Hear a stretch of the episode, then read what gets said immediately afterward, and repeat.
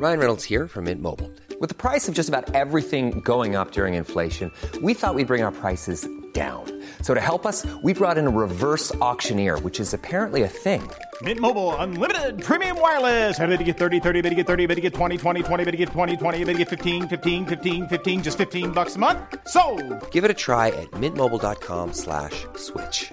$45 upfront for three months plus taxes and fees. Promo for new customers for limited time. Unlimited more than 40 gigabytes per month. Slows. Full terms at mintmobile.com.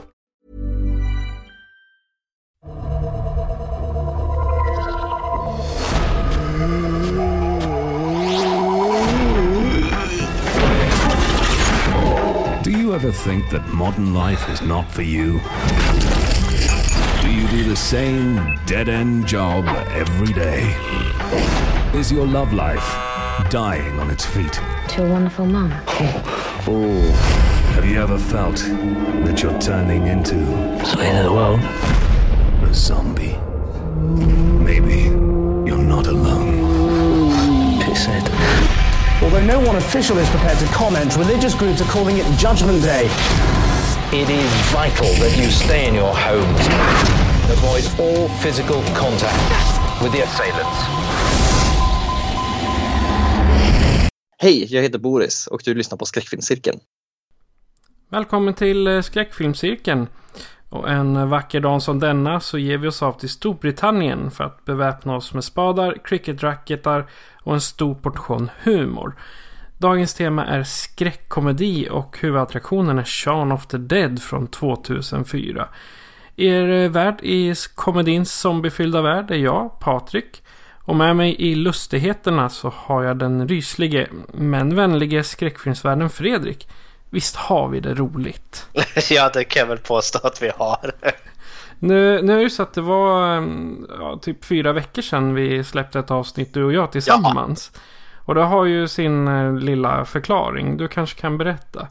Ja, det har varit mycket, mycket studier nu och jag har gått in i tentaperiod här. Det blir ju så när man närmar sig slutet på terminen. Ja, och, så har jag också, och så har jag också dragit på mig ett nytt jobb här. Då, så jag har haft introduktion till det. Och då är det ett jobb som innefattar att jag måste jobba kväll, alltså då jag har sovande jour. Så det har varit lite sånt som har dragit ut på tiden här. Ja, men eh, då till mångas eh, glädje då så eh, publicerade jag mina intervjuer med The Hysteria Continues. Jajamän. Och det var, det var rätt så fantastiskt. Efter bara ett dygn så hade 35 personer lyssnat. Nice. Och, ja, och normalt brukar det vara typ 10-12 lyssningar på programmen vi har då. Oh, så där. Och eh, när, när jag tittar nu så är det uppe i nästan 100 lyssningar.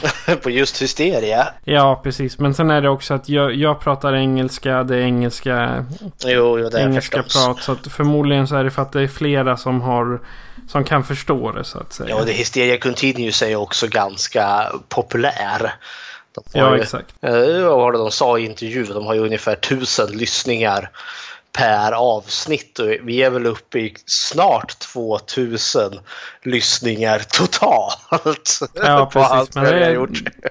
Ja, exakt. Men det ligger runt, eh, runt en hundra stycken per, per avsnitt. Ja, men det är inte dåligt. Men nej, herregud, det är det är det inte. Bara senaste veckan så har vi 80, 86 lyssningar totalt. Uh.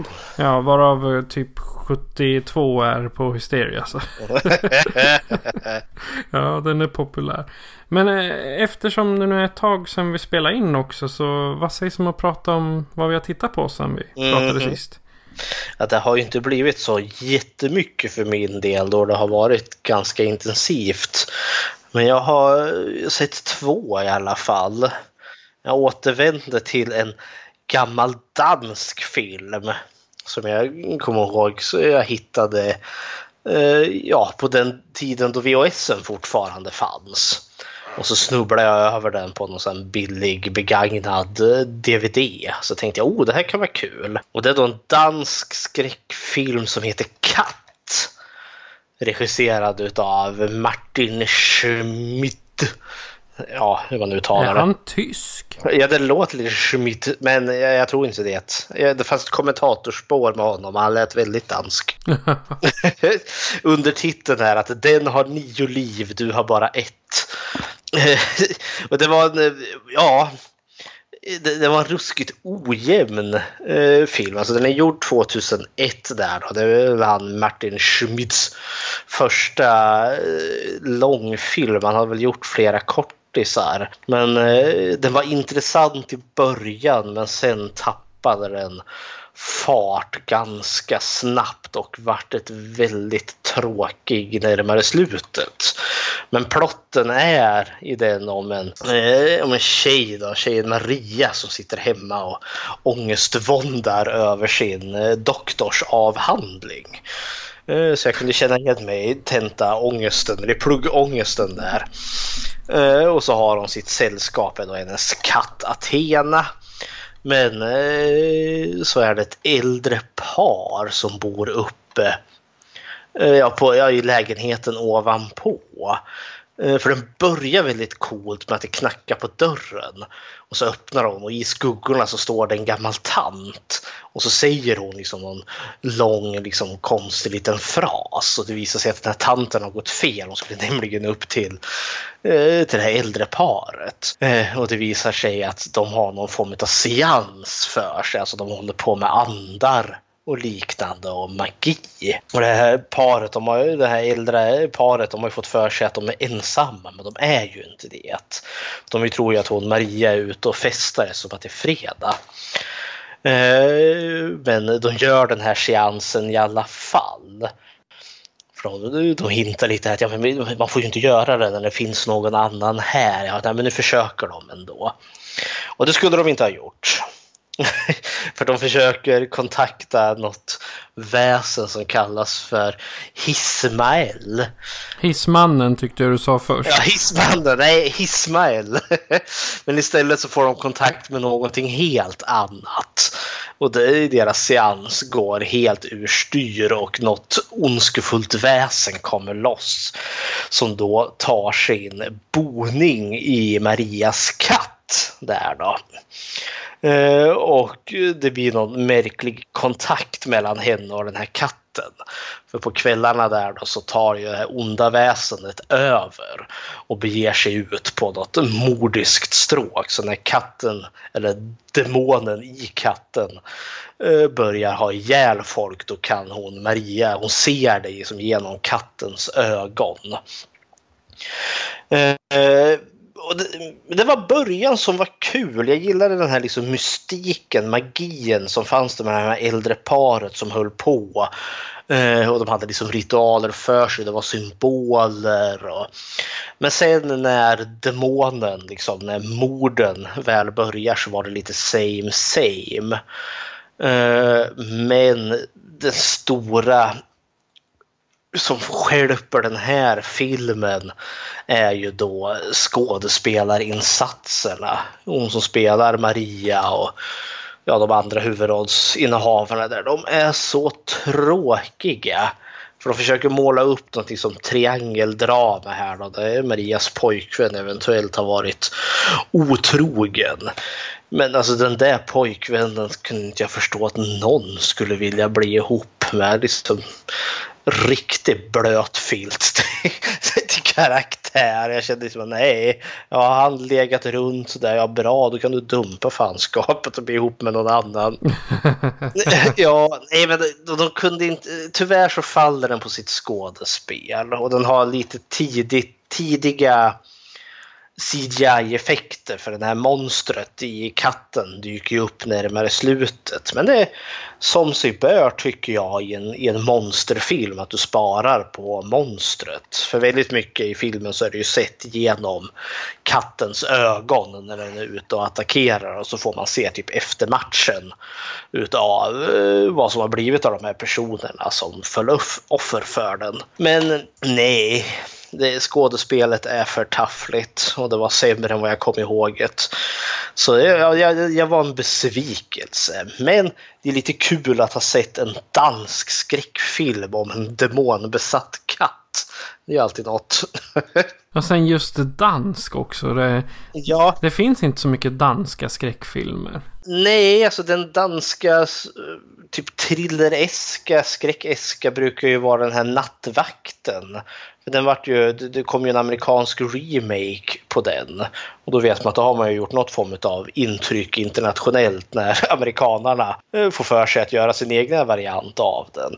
Men annars är det typ, det är typ den och, och Riket med Ernst-Hugo Järdegård. Det är väl det mest danska skräck eh, som jag känner till. Så den här Katt är ju ett litet roligt amatörprojekt ändå.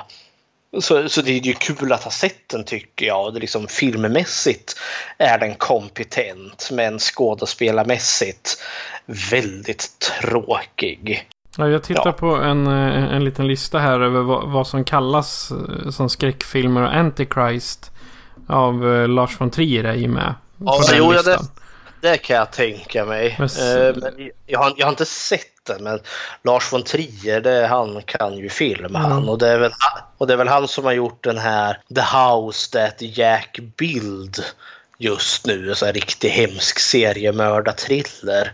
Det är så lätt att glömma bort von Trier för i och med, ja men typ Antichrist, då är det ju William Defoe som har huvudrollen där och det är liksom engelska, amerikanska skådespelare och de snackar, ja, engelska då.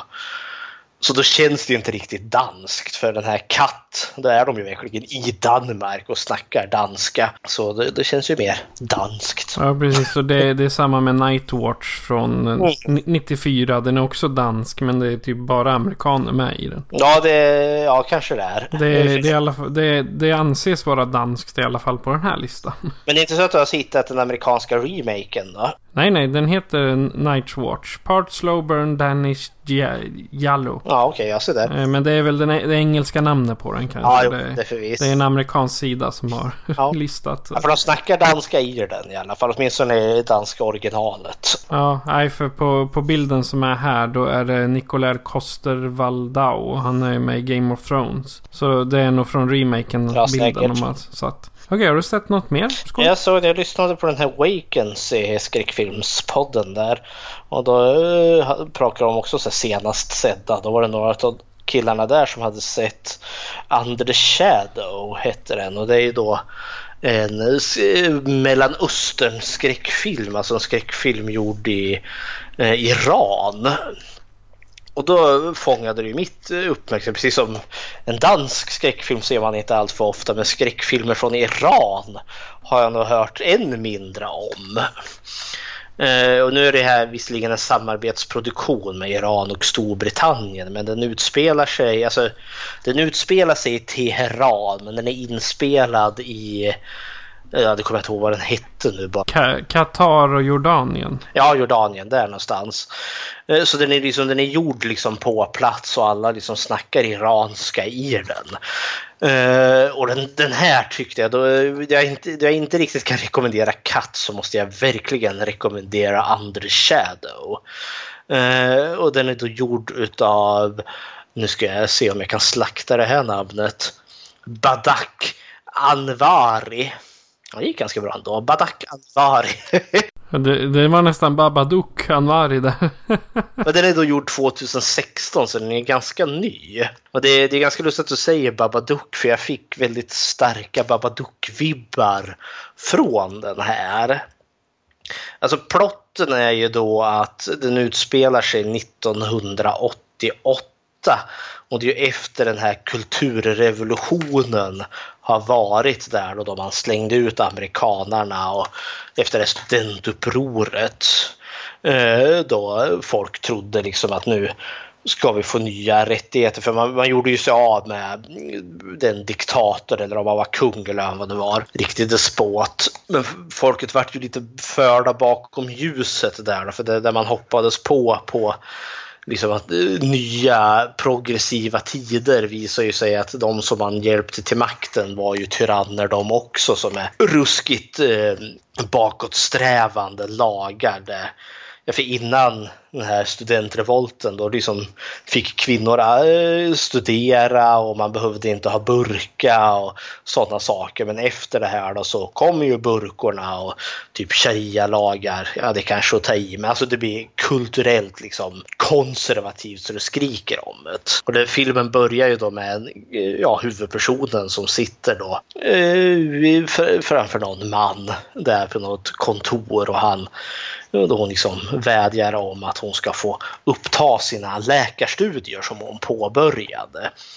Eh, men det går ju inte för sig för hon är ju kvinna trots allt. Och så eh, får man följa, följa henne liksom hur hon har liksom blivit, ja men hon har verkligen blivit förpassad till att bli hemmafrun här nu.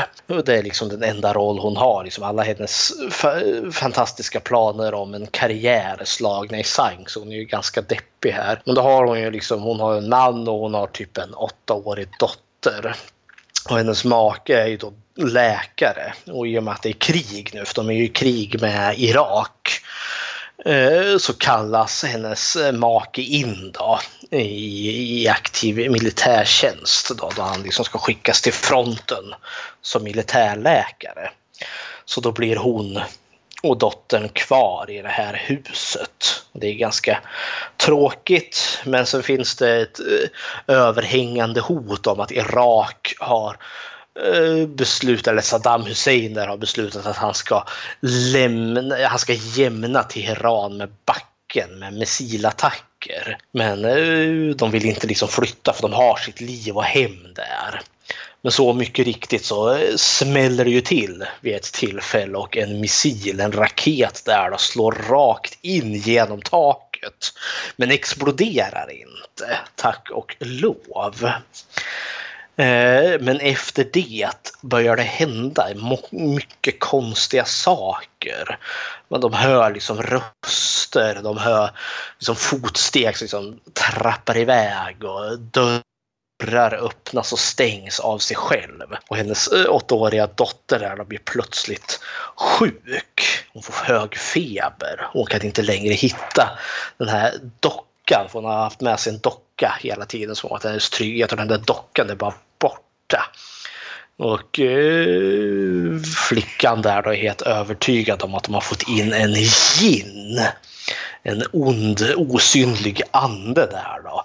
Som antagligen har följt med den här missilen. Så det var den som liksom smällde in och det var anledningen till att den inte exploderade för att det fanns en ond ande som eh, hade tagit följe på den där raketen. Men det tror ju inte eh, alltså, mamma inte riktigt på. Men sen börjar det eskalera och hända konstigheter. Och eh, den här liksom mor och dotterrelationen börjar liksom bli skadad. Och det var då jag började känna här Babadook-vibbarna. Eh, det nådde inte riktigt samma höjder som Babadook gjorde men jag är väldigt glad att jag har sett Under the Shadow. För det, det, det var sån frisk fläkt att liksom ha din klassiska spökhistoria, din psykologiska thriller liksom i en helt annan miljö och en annan kultur. Och för att liksom vara representativ för då skräck från Mellanöstern så tycker jag Under the Shadow var väldigt, väldigt bra. Och den spinner ju då också med typ Mellanösterns eh, vad heter det, folklegender, alltså den här ginnen är ju lite, eh, ja men typ som vi har våra svenska skogsväsen så är ginnen liksom ett väldigt klassiskt muslimskt spöke eller vad man nu kan kalla det. Så eh, ja, två tummar upp till Under the Shadow. Den kan jag verkligen rekommendera. Eh, jag tänkte i samband med att vi spelar in den här så delar jag en trailer till Under the Shadow på Facebook-sidan. För den som vill se den. Jajamän. Perfekt. Har du sett något mer skoj? Nej, sen har det, har det inte blivit något mer. Jag har balanserat lite sena nätter här med att plöja RuPaul's Drag Race. Så det har varit lagom. Det finns ju typ nästan samtliga säsonger på, på Netflix. När jag känt att oh, jag orkar inte tänka, jag vill bara ha glitter och glamour. Så då drar jag igång det. Hur, hur, hur har det gått med Star Trek-andet? Har du mycket kvar? Det har hamnat på is nu. Jag, jag kom till säsong fem här nu. Så jag, jag har vad är det, det är sju säsonger utav Next Generation så jag har två kvar. Men så har ju Game of Thrones dragit igång också. Det hänger jag lite efter och försöker titta För att det är, det är på tok alldeles för mycket serier och för mycket studier. Det, det finns mycket att se och det finns för lite tid. Ja, ja, ja, ja. Okej. Men det har jag sett under den här perioden. Ja. Eh, Jag har tittat på eh, Bunker of the Dead. Jag har inte, jag har inte heller hunnit titta på sådär jättemycket. För det har, jag har varit iväg och det har varit jobb och så är det ju sommar nu. Nu ska man allting fram liksom. Ja, det ska jag. Ja, så, Bunker of the Dead har jag inte sett men på framsidan är det typ Zombie-Hitler. jajamän, det är det. Och det är alltså två, två killar som ska försöka ta sig ner i en bunker som ligger inne på ett militärt område. För de tror att det finns guld där. Nazistguld. Aha. Och eh, där, som, eh, som förstår då, det, det är alltså ännu en skitfilm som försöker casha in på Romero Zombies. Ja, okej. Men han, eh, den är gjord nästan som en sån här FPS, alltså First Person Shooter. Jaha. Som, som man, man ser allting ur en typ bodycam eller något liknande från huvudrollsinnehavaren. Och så Mhm. på armen har han sin iPhone sitter med en kompis som sitter i en bil en bit bort. Okej. Så, som, som, som han kan titta på och bara "Ah, What are you doing? Det, det som är absolut roligast är att den personen som eh, gräver sig, eller gräver, som tränger sig in där, han är tysk. ja, ja. Och så, och så då, han, han möter ju zombies där nere. Det är något skepp de har torrlagt inne under jord. Och eh, ja, han letar runt där och så stöter han på zombies. Och i en scen då har han en hel armé mot sig med zombies. Och plötsligt så stannar alla och gör ett heiltecken. Och är det fyren som kommer då? Ja, då, då säger de uh-oh. Och så vänder de sig om och så Hitler då som är dubbelt så stor som alla andra zombies. Klart han är, jösses. Ja, det, alltså det, det är en kul tanke. Ja. Och den driver ju riktigt bra med nazismen. Och inte, inte mig emot på det viset. Men ja. Kul tanke med mindre bra resultat. Det finns upp till, jag vet inte, så här, jag har gått och blivit någon egen subgenre liksom typ nazist-zombies. Som, eh, jag vet inte, det dyker upp en hel del, ganska låg budget. Men så fick vi ju en hög budget en här i tidigare år, den här Overlord eller vad den nu hette. Var väl, eh, som gick på bio för inte allt för länge sedan. Då var det liksom nazister gör hemska ex- experiment i en bunker och har råkat skapa zombies. Jaha. ja, så där. Som, eh, vad, är den mera seriös då? Ja, alltså, den som jag upplever alltså, jag, jag, jag har inte sett det. Jag har sett trailers, jag har sett lite recensioner till den. Alltså, det är en högbudgetfilm. För jag, jag misstänker att den här Bunker of the Dead, det hade du inte riktigt eh, A-skådespelare och kanske den högsta budgeten till. Eh, men eh, den här var det ju, jag tror det var J.J. Abrahamson som låg bakom Overlord. Men liksom med genuint bra specialeffekter och liksom påkostad och marknadsföring och hela konkarongen. Alltså en riktig jäkla Hollywoodfilm. Med ja. zombies. Ja men J.J. Abrams är ju bra på de där lite smått övernaturliga delarna Mm, liksom i film. Eh, Bunker of the Dead hade 525 000 dollar i eh, budget. Det är lite men ändå mycket för en, den typen av film. Men det blir ju en lågbudgetrulle i alla fall. Men ja, Ja. eller ja, ja sak samma. Ja, jag, sen har jag fortsatt med en serie som heter The Hundred. Och det är en eh, sci-fi serie som jag har följt i ja, typ åtta år. Oj.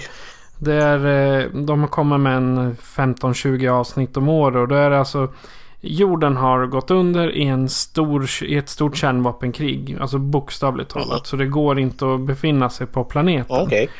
Men eh, på, vid den här tiden så är det så många rymdstationer uppe. Så att de, de överlevarna nere på marken, de eh, letar sig till några raketer och skjuter upp sig själva i luften. Och så börjar de eh, bo på någon gigantisk rymdstation som de kallar för...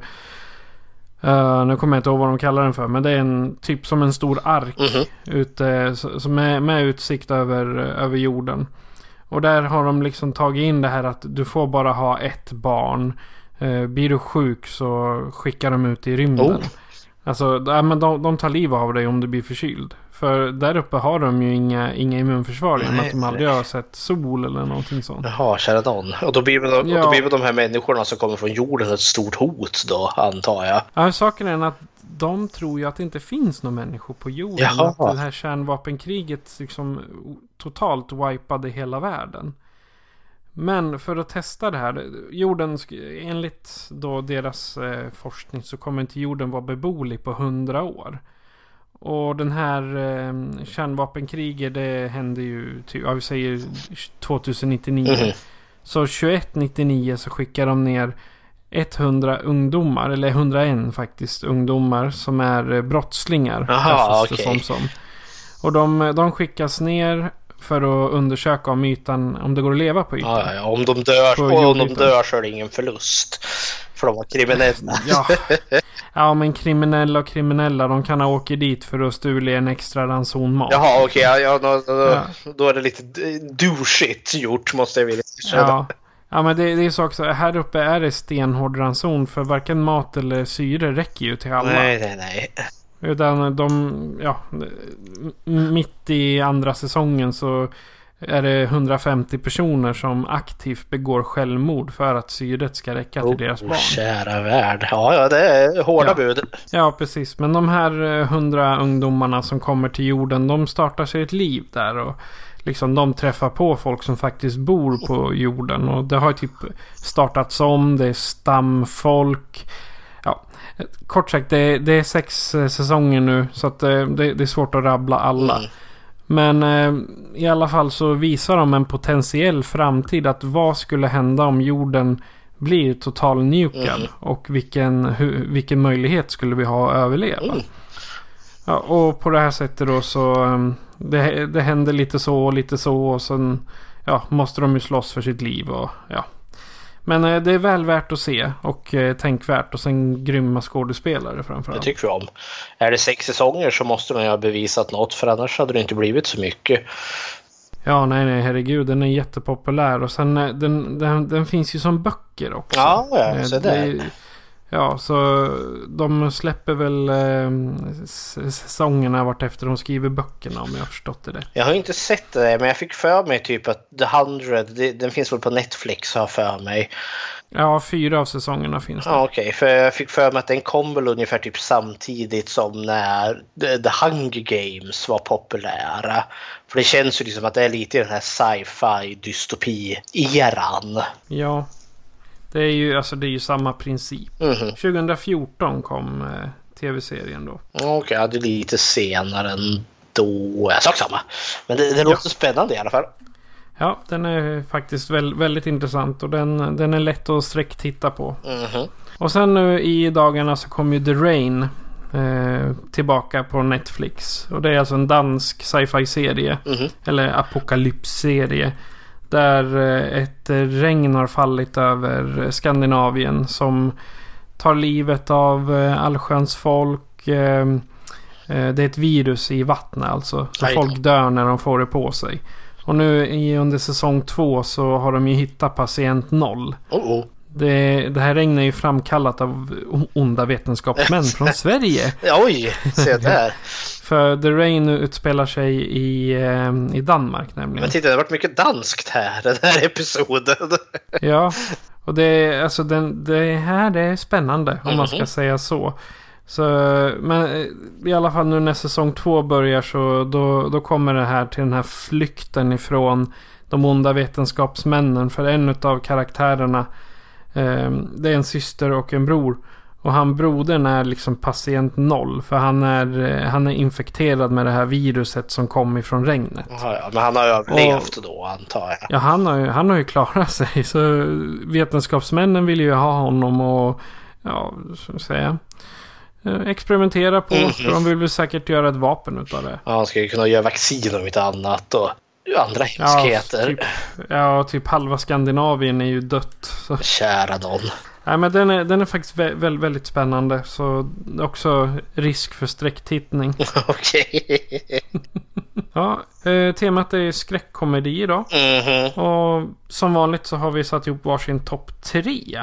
Och eh, vi, vi får väl eh, motivera varför vi anser att just de är skräckkomedier. Jajamensan. Jag tänkte du får börja. Ja, jag på min tredje plats placerade jag en nyzeeländsk skräckfilm då, eller skräckkomedi som heter Black Sheep. Nu eh, håller mitt IMDB på att krångla men jag tror den är gjord 2006 7 där någon gång. Eh, för den känns som att den kommer lite i kölvattnet utav just Shaun of the Dead. Men alltså för att göra en lång historia kort eh, är ju att på Nya Zeeland, vad är det, det finns Ja, typ, jag drar till, det finns två miljoner människor men det finns typ eh, hundra miljoner får. Eh, Eftersom att typ får är typ deras huvudindustri. Eh, Och nu går det någon smitta bland fåren som gör att eh, de blir, de blir zombies helt enkelt. Det är zombiefår vi har att göra med.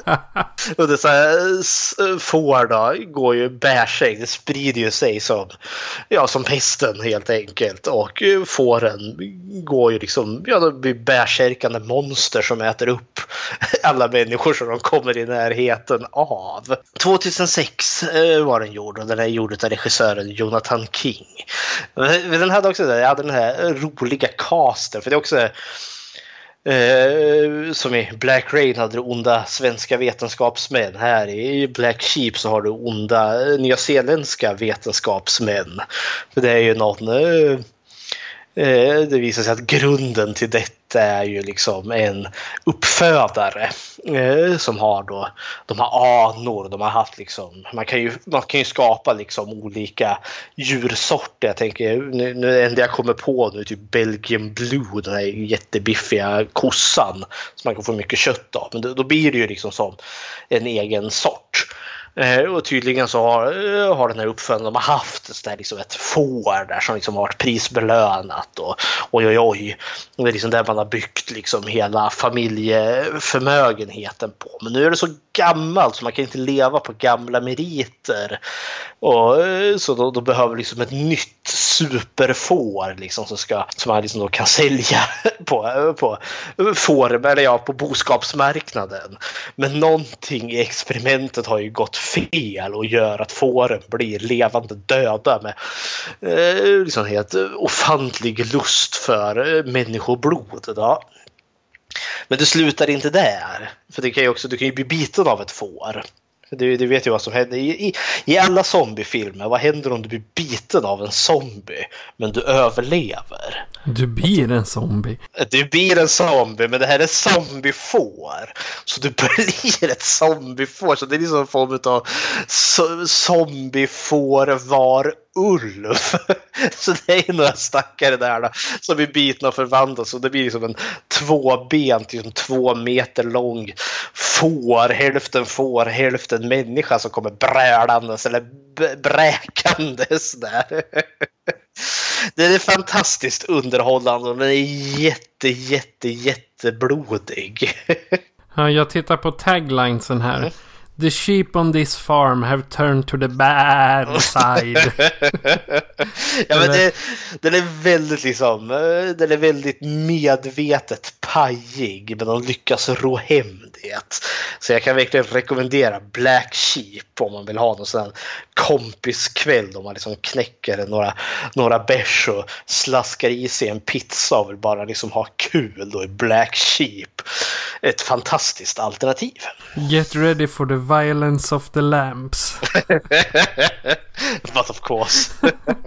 Ja, eh, min nummer tre det är Zombieland. Mm, det är och bra. från eh, 2009. Och där har vi Woody Harrelson och Jesse Eisenberg. De stöter ihop under en zombieapokalyps. Som bland annat leder till att Bill Murray blir dödad. och så en kärlekshistoria mellan en rånare och Jesse Eisenberg. Och den är, den är fantastiskt underhållande. Plus att jag såg idag när jag surfade runt att 11 oktober kommer en uppföljare. Som heter Zombieland Double Tap. Oj, så där. Ja, fantastiskt. Hur är det där? För det har jag fått för mig. Jag har ju sett Zombieland några gånger, men det var länge sedan. Och jag har för mig att, vad är det, ursprunget till zombieutbrottet är, är en smittad hamburgare eller vad det är. Ja, jag har för mig något sånt. För han pratar ju om det här, Jesse Eisenbergs, eh, hans karaktär, om vad orsaken är. Mm. Men sen vartefter under, under själva filmen så håller han på och rabblar olika regler också. Men han är ju så vad är, hypokondriker. Han är så riktig överlevnadsnörd. Har för mig. Sätt alltid på bältet. Mm -hmm. Vad var det? Ja, så hatar han clowner också. Just det. Ja, men jag fick komma ihåg för det, den var väldigt stilfull den här sommaren. För det, som du säger, sätt alltid på bältet liksom för överlevnad. Och så klipper de till ett klipp då, där en kvinna som kör sin bil i panik och så bara krockar hon med något. Och hon har ju inte bälte på så ut genom fönstret eller bilrutan far hon och blir liksom köttfärs på, eh, på trottoaren där. Och jag för mig, man ska alltid ha öva upp sin eh, sin kondition. För alla tjockisarna dog först. Ja, men de, här, de hade ju mest mat på sig i och för sig. Ja, det jag ser, så ser man en överviktig man som kommer springandes där skrikandes på någon fotbollsarena jagad av liksom, typ ett rugbylag utav zombies. han, är, han är för dålig kondition så han kommer inte undan så han blir uppäten. Ja, men vadå, herregud. Och sen eh, han springer väl inte med, han tultar väl fram. Ser ut ja. som en typ eh, två månaders eller no, inte två månaders men säg tolv månaders som precis har lärt sig gott. Liksom bara, men utifrån de kriterierna så är jag fett körd. Jag blir uppäten illa kvickt. ja, men du har ju kun andra kunskaper om hur du ska skydda dig. Du har vapnena.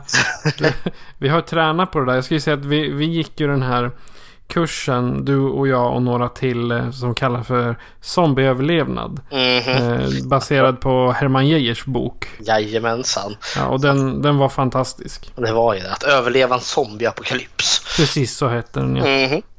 Ja, din nummer två. Min nummer två är då Tucker and Dale vs. Evil. Som kom 2010 tror jag. Eh, och det var några vänner till mig som rekommenderade den här, liksom Tucker and Dale. Uh, och uh, alltså den spinner ju lite på, alltså den, den, är lite meta på det sättet. För det handlar om ett gäng, ett gäng kids, alltså dina typiska eh, ungdomar i en slasherfilm som ska åka ut och har partaj i en stuga i skogen. Eh, och parallellt så möter de då två hillbillies Eh, som då är Tucker och Dale. Och liksom är, ja men i skräckfilmer är ju lantisar, bönder, är ju alltid livsfarliga kannibaler som är ute efter dig. Och de här ungdomarna äh, har ju sett alldeles för mycket skräckfilmer och blir helt övertygade om att Tucker and Dale är ju så här livsfarliga, kannibalistiska, inavlade monster. Men i själva verket är de ju hur goa som helst. Men det, det sker ju någon olycka här för Tucker and Dale de är ute och fiskar. För de, de ska ha liksom sin fisketrippen, sin fiskeweekend. Eh, ungdomarna är då ute och simmar just den här kvällen. Eh, och så är det ju någon av dem som får syn på de där Tucker and Day som sitter i sin fiskebåt så blir det panik och en av dem druttar ju i och slår sig så illa så att hon liksom ligger och flyter med ansiktet neråt. Och Tucker and Dale de fiskar ju upp henne och räddar henne från att drunkna där och tar henne till deras stuga som de har köpt, precis köpt. Och den här stugan, det ser verkligen ut som typ stugan i Evil Dead. Så det är liksom en skräckfilmsstuga.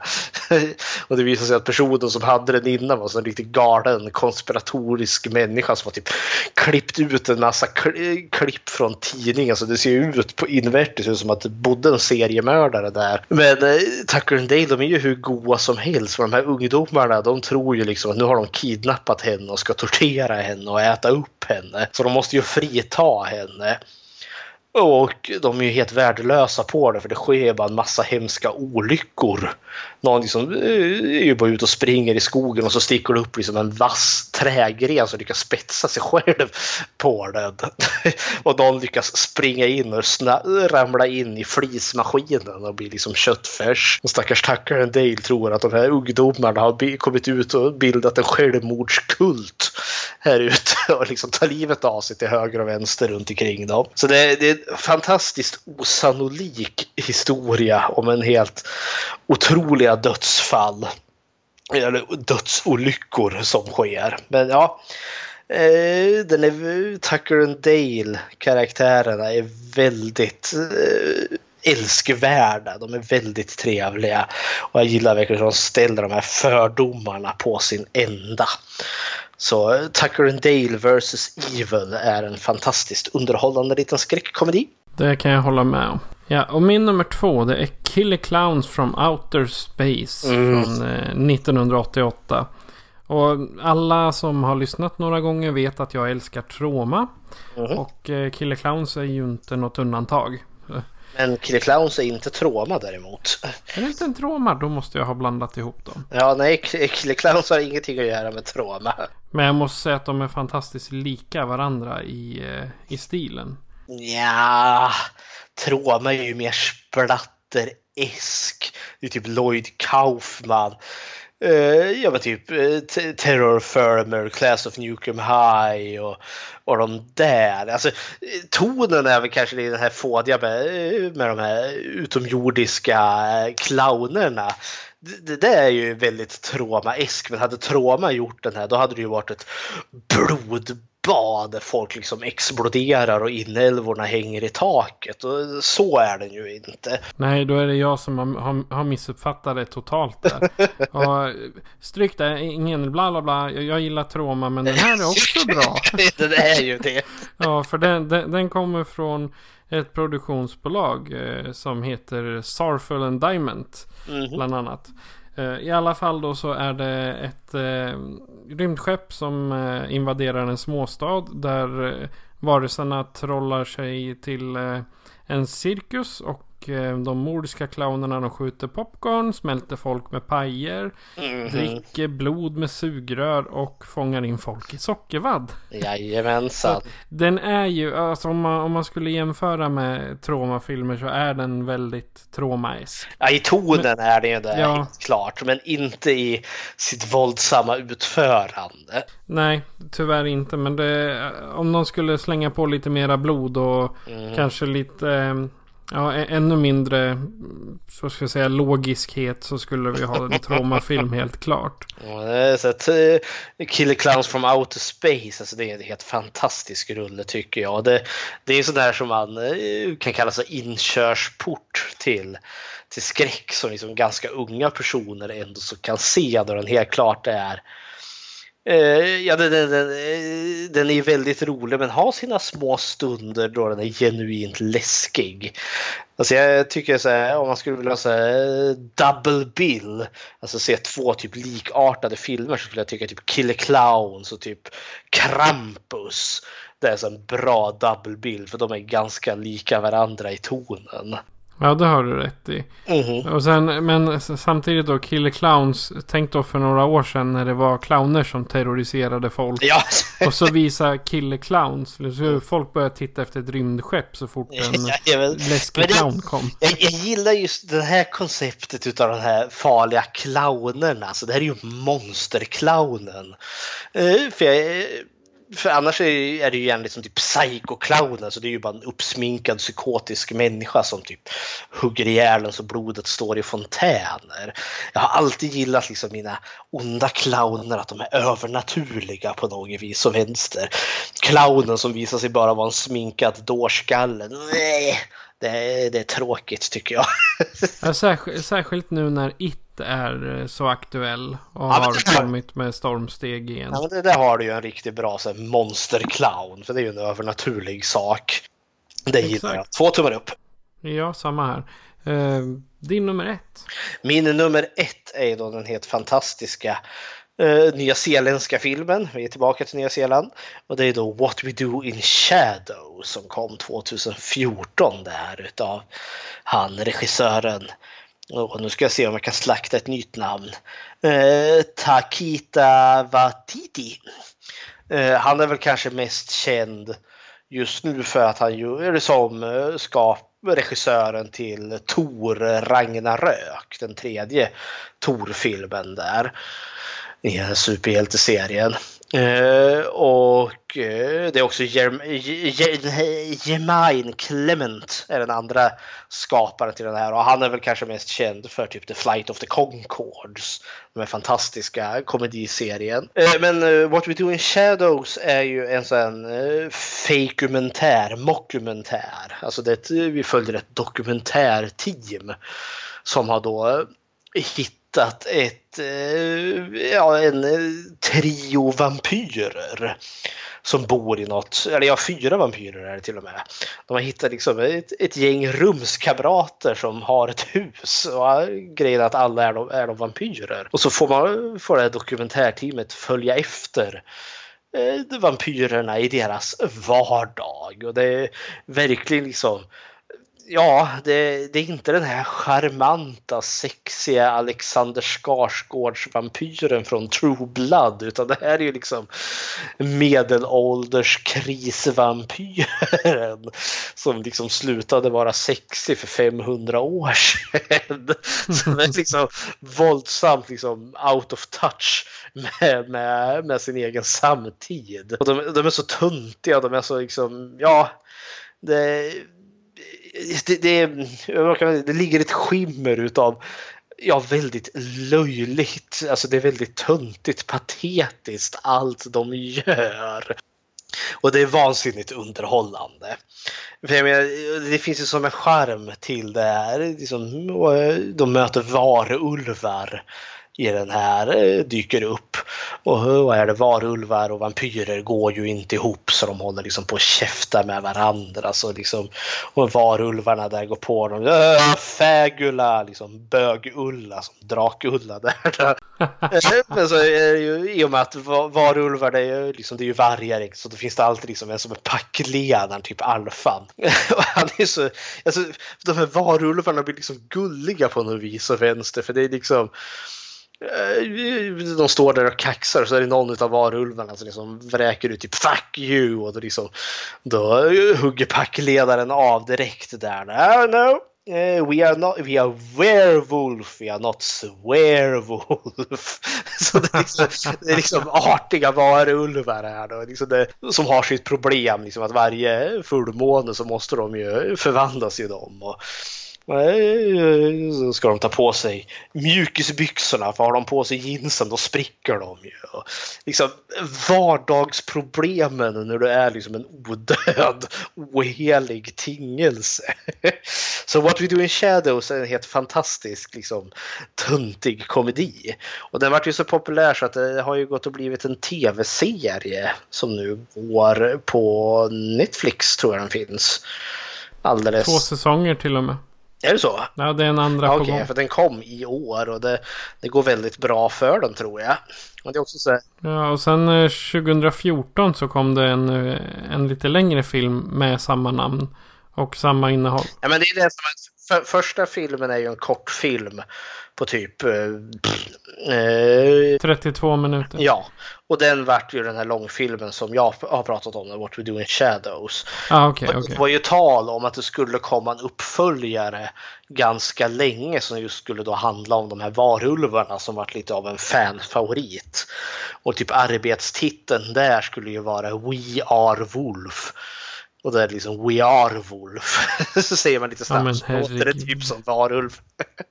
ja, men det, detta är en ruskigt charmant eh, och underhållande liksom film om eh, ja, vampyrer och varulvar i deras töntiga vardag. För det här är liksom monster som inte är skrämmande någonstans. Men de är charmigt värre. Ja, kära någon. Ja. Eh, min nummer ett det är Evil Dead 2. Book of Shadows från 1987. Bra. Eh, där Ash tar sin flickvän till en stuga i skogen där han hittar ett band.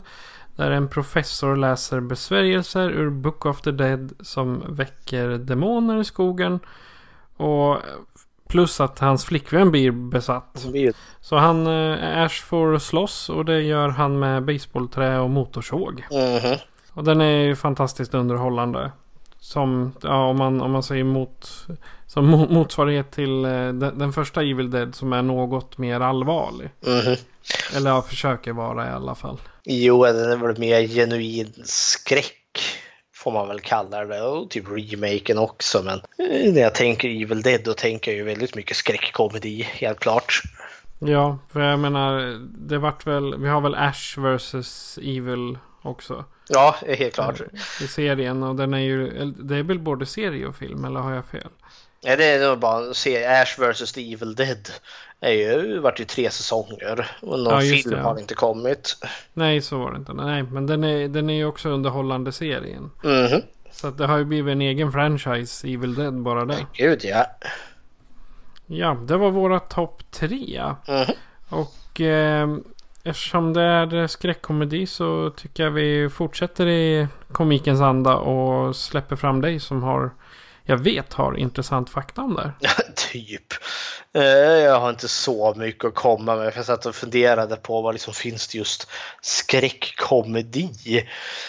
Det är ju typ, ja, men, typ som vi redan har gått igenom. Det är inte så att det finns så att säga, ett fantastisk egen eh, stor genre information om just dessa skräckkomedier. Men då tänkte jag liksom komedi i sig själv. För Det är ju typ en av de absolut äldsta genrer som finns. Man brukar ju säga eh, som på eh, ja, men, eh, i Grekland, eh, antikens Grekland där så var det ju med amfibieteatrarna som man hade. Då var det ju eh, tragedi och komedi. Så liksom komedi brukar ju räknas som bland de första typ genrer som fanns när man gällde att göra eh, uppträdande inför en publik. Och komedi är väl alltså den konstform som jag har störst respekt inför. För komedi är så vansinnigt jäkla svårt. I nästan alla andra typer av liksom genre, Eh, om jag tänker filmmässigt, liksom eh, en actionfilm, om det är en dålig actionfilm så har du ju i regel liksom filmens tempo och explosioner och pistolstrider. Liksom det finns något att hämta även i en dålig actionfilm och i en dålig skräckfilm. Och då kan du liksom förlita dig många gånger på specialeffekterna, blodet, Eh, stämningen. Alltså det finns i regel något att hämta även liksom från dåliga, eh, dåliga sådana filmer. Men en dålig komedi har verkligen ingenting att komma med. Det finns ingenting som kan rädda en komedi när det blir dåligt. För skrattar man inte, ja, eh, hepp. det är totalt meningslöst. Så komedi är liksom den genre som jag har störst respekt för, för den kräver så jäkla mycket. Eh, och liksom komedi är ju då, tänker jag också, väldigt tidsbundet och väldigt kultursbundet. Jag kommer ihåg, jag, jag är född och uppvuxen väldigt mycket med typ Galenskaparna och After Shave. Jag kollar ju mycket på de revyerna där liksom alla ska bada, eh, Hajen som visste för mycket eller eh, Macken och allt sånt där. Och så visade jag upp det från en, för, för en vän här för några år sedan som då är typ tio år yngre än mig. Och han kollade ju på de här, jag- jag tycker det är fantastiskt för jag har nostalgi och allt det där. Och han tyckte, men gud vad det här, det här är ju bara töntigt och jobbigt. så liksom, jaha okej. Komedi kan liksom dateras vansinnigt snabbt. Men när komedi är bra, då är det ganska tidslöst. Eh, för man kollar man liksom på våra tidiga eh, komiska stjärnor så är typ Charlie Chaplin en sån där som har liksom bestått tidens tand på något vis och vänster. Och Buster Keaton är också en sån där tidig komiker.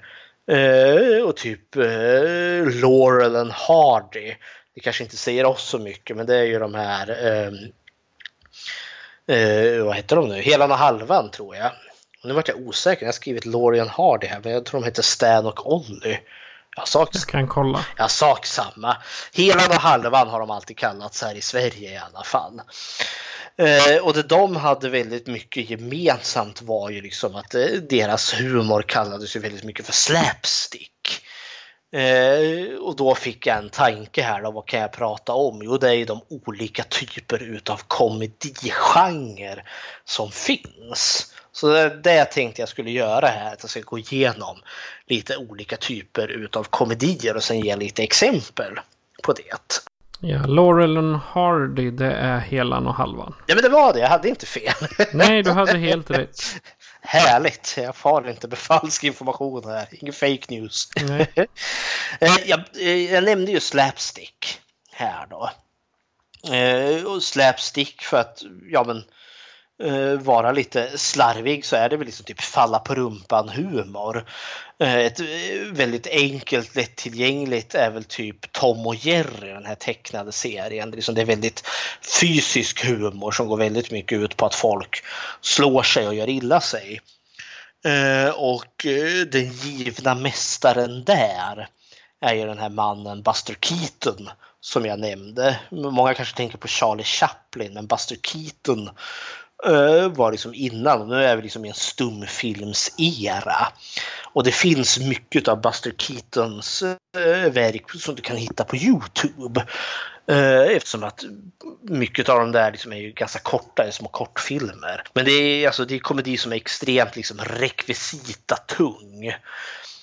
Och plotten brukar allt som oftast vara i de här att huvudpersonen då, Buster Keaton eller Chaplin, är då liksom en, eh, ska vara liksom en, eh, han ska vara underdoggen, liksom killen som är lite eh, nedtryckt på ett eller annat, sätt, han kanske är lite fattig, man är i underläge och så finns det en vacker tjej där då, som man ska imponera på, men så finns det en stor elak typ, typ en polis eller eh, någon elak gangster som då är hotet på ett eller annat sätt och så blir det eh, all möjlig liksom fantastiska upptåg där folk liksom eh, åker upp och ner i flaggstånger och missar olyckor eller får hårda saker i huvudet så det står härliga till. Och det är ju väldigt mycket klassisk slapstick. Eh, och eh, nu nämnde jag ju Buster Keaton och Charlie Chaplin men en en sån där som var väldigt, eh, åtminstone i Amerika, varit väldigt stora är väl The Three Stooges. Eh, jag har aldrig sett The Three Stooges eh, i själv. Men det är, det är ju tre karaktärer, Mo, Larry och Curly. Eh, men jag har förstått att i Amerika är de skitpopulära. Eh, Men eh, jag har ju mer hört talas om eh, bröderna Marx istället med Groucho i huvudrollen. Men det, mycket av det här är liksom ganska gammalt, alltså svartvitt, för slapsticken var liksom väldigt stor liksom bakåt i tiden. Men vill man ha ett svenskt exempel, då är ju den här Papphammar ett väldigt bra exempel utav, och nu står det still, Gösta Ekman. Gösta Ekman Just, som spelar Papphammar. ja, Eh, Gösta Ekman ja. och eh, Det är en väl, väldigt eh, på, alltså uppfinningsbara Mhm. sketcher och kortfilmer han gör med pappa. Ja men gud ja, och eh, hans signum har ju blivit där liksom, han kan, kliver in i ett rum och sen på serie fantastiska olyckor så lyckas han riva hela rummet. Men också en figur som kanske liksom är slapstick-esk är ju typ Mr Bean. På vis, det kan finnas en viss fysisk humor men det, det är liksom kanske inte Mr Bean själv som blir utsatt för liksom typ smärta men liksom personer i hans omgivning kanske drabbas av det. Ja, på grund av honom. Ja, på grund av det. Eh, Något som är väldigt svenskt tycker jag, det är ju då fars och revy. Och då tänker jag, när jag, när jag, när jag tänker fars, Eh, då tänker jag oftast bondfars och det är väldigt mycket typ Stefan och Krister. Typ deras eh, bröllop och jäkelskap. eller den här, de hade väl en serie som gick på tv, vad heter den? Full fräs eller ja, Full frys. full frys. Full fräs, ja men det är, Ja, men det, det är samma där. Det är full fräs i kom, komiken. Ja, ja, den hette väl till och med Stefan och Krister. Ja, Stefan och Kristers full frys. Så var det. Men en annan liksom är också den här, den här väldigt svenska typ Åsa-Nisse-filmerna. Det är också liksom så här bondfars. Eh, Eva Rydberg har väl gjort en, en sån karriär utav det. Och det är också man som också har väldigt mycket så här förväxlingshumor eller vad man nu kan kalla det. För jag typ så här, Stefan och Krister brukar väl alltid vara den här liksom plotten att eh, ja men typ mm, mm, maken i huset för det är liksom lat och eh, oduglig. Och så finns det liksom en kvinna där då som är hans fru som alltid är någon form av rivjärn. Eh, som liksom är den som kan komma ut med brödkaveln där och hota. Det är typ som lilla Fridolf och hans fru som jag inte kommer ihåg vad hon heter nu bara för det. Ja, sak samma. Eh, för plotten är väl alltid liksom att någonting dyker upp som kanske typ hotar. Eh, det kommer en rik man som kanske ska köpa upp hela gården eller det, det finns något möjlighet att lyckas få en massa pengar och så har du någon bikaraktär som är det här stora dumpuckot som hotar alltihopa som typ Karl Otto är väl en sån här typisk karaktär i Stefan och Kristers eh, ja, sommarrevyerna där. Liksom, ja, brev, brev Jajamensan, Toudé. Han har ju gjort världens namn av sig själv på Facebook nu. Ja, sådär. Ja, men för det, är liksom, det är liksom vad jag tycker är liksom här klassisk revy. Alltså det följer en väldigt typisk Eh, Eh, form där, liksom, där det finns liksom, ja men folk håller hemligheter för varandra och de fantastiska, liksom ganska krångliga sätt de eh, lindar in sig i sina lögner på ett eller annat sätt. Och i slutändan så blir allting bra. Jag ska säga att eh, lilla Fridolfs fru heter Gör Selma. Selma, Fridolf och Selma, ja. Ja, rösten görs av en uh, Hjördis Pettersson. Se där ja. och när vi ändå så befinner oss på scen, för farser och revyer är ju regel på, på en teaterscen där även om nu Åsa-Nisse-filmerna var ju filmer och typ så här pilsner-filmerna men då, då, är vi liksom i någon tid eh, ja, runt omkring andra världskriget strax därefter var ju de populära. Men annars är ju min, en av mina favoritgenrer utav komedi det är ju stand-up. Uh, och det, det, är ju precis som det ja, kanske var låter. Du står upp och gör komedi. Där du i regel har liksom en komiker som står och bara levererar en lång harang, liksom roliga scenarion. Eh, stand-up, är det någonting som du brukar titta på Patrik? Oh ja, det är ett, ett himla bra nöje nu i och med att man har eh, även Spotify. För de, i det, de här stora som typ Magnus Bettner. Mm -hmm. eh, ja, var, var alla de eh, Karl... Jag, jag, kommer inte ihåg alla namn nu bara för det. Men Bettner är någon jag följer mm -hmm. slaviskt. Eh, och han har ju i stort sett alla sina shower på Spotify. Ja, men det är fantastiskt. Men det är ju som ja. typ, eh, kan man väl kalla typ Släng dig i brunnen. Det fanns väl en svensk serie, The Bottom is Nod. Det är väl en svensk variant av... Nej, det, det här slängde i brunnen det är ju typ open stage. Ja. Alltså nya, nyare stand-up komiker som får testa. Och det var ju i, i, i tv. Mm -hmm. Och sen det finns ju massor med sådana där. Jag har ju en hel hög favorit. Alltså, en av mina två personliga favoriter som jag gärna tittar på så fort det kommer någonting nytt det är ju Gabriel Iglesias och Eddie Izzard. Det är för mig liksom uh, stand-up komiker liksom i sitt esse. Ja, jag gillar de brittiska, bland annat Michael McIntyre mm. är fantastiskt rolig. Richard Gervais är alltså oftast väldigt bra. Eh, så ja, men eh, det, det är ju en väldigt eh, typ av humor och den, den kan ju vara väldigt rå. Stand-up kan ju verkligen vara slå under bältet och verkligen utmana vad heter det, konventioner och vara kontroversiell. Medan det som vi pratade om innan, fars och revy, är allt som oftast ganska lättsmält ändå. Du tar inte ut svängarna på samma sätt. Vilket gör att stand-up kan ju, är väldigt så här, för din egen smak. Jag, tänker, jag, kan tänka, jag älskar ju Gabriel Iglesias men jag kan tänka mig att det är väldigt många som tycker att hans humor är bara tramshumor. Uh, ja, och tar vi, tar vi Magnus Bettner så nu var det en, en show här i höstas som han gjorde när han sa först han går ut på scen och säger det här är verkligen något jag behöver. Jag har fått så sjukt mycket dödshot den senaste tiden. Där, och han, Ja. det är alltså folk som skickar dödshot till honom för att han, han säger ju vad han tycker. Och sen om, om man trampar på eh, vad det nu kan vara, någon politisk eller eh, nå, nå, någon form av gruppering som inte tycker om det han säger. Ja, då blir det ju liksom, då kastar sig folk över honom på sociala medier. Det är det som också är så fantastiskt med komedi är ju liksom att bakom all humor så brukar det allt som oftast finnas väldigt mycket allvar. Det är det jag brukar gilla med stand-up är ju liksom att det kan ju verkligen vara dagsaktuellt där de eh, liksom driver med den rådande liksom situationen i samhället och det brukar för mig vara en väldigt liksom skön tillfälle att få pysa ut. Så Magnus Beckner är liksom väldigt bra på att sätta orden på saker som kan uppröra mig och då är det väldigt skönt när han liksom går igång för då kan jag verkligen få en ventil i det. Och sen är det så, så kul att det är någon annan som Mhm. trampar de här... eh, Ja, alltså nu, det här är in, ingen politisk podd utan nu, nu tar vi bara hans målgrupper Mhm. vilket är personer med eh, extrema tankar inom politiken. Mhm. Ja. Och det har han sagt själv alltså. Jo, men han, det, det, det passar mig väldigt väl måste jag villigt erkänna.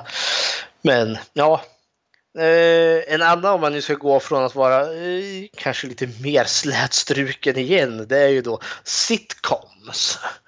Och vad tänker du när jag säger en sitcom-komedi? Då tänker jag på eh, Vänner, Mhm. eh, Seinfeld, How I Met Your Mother. Ja, i den, den typen. Ja, och det är precis vad det är. Och det, det, sitcom är väl liksom väldigt uppfunnet i och med att tvn dök upp.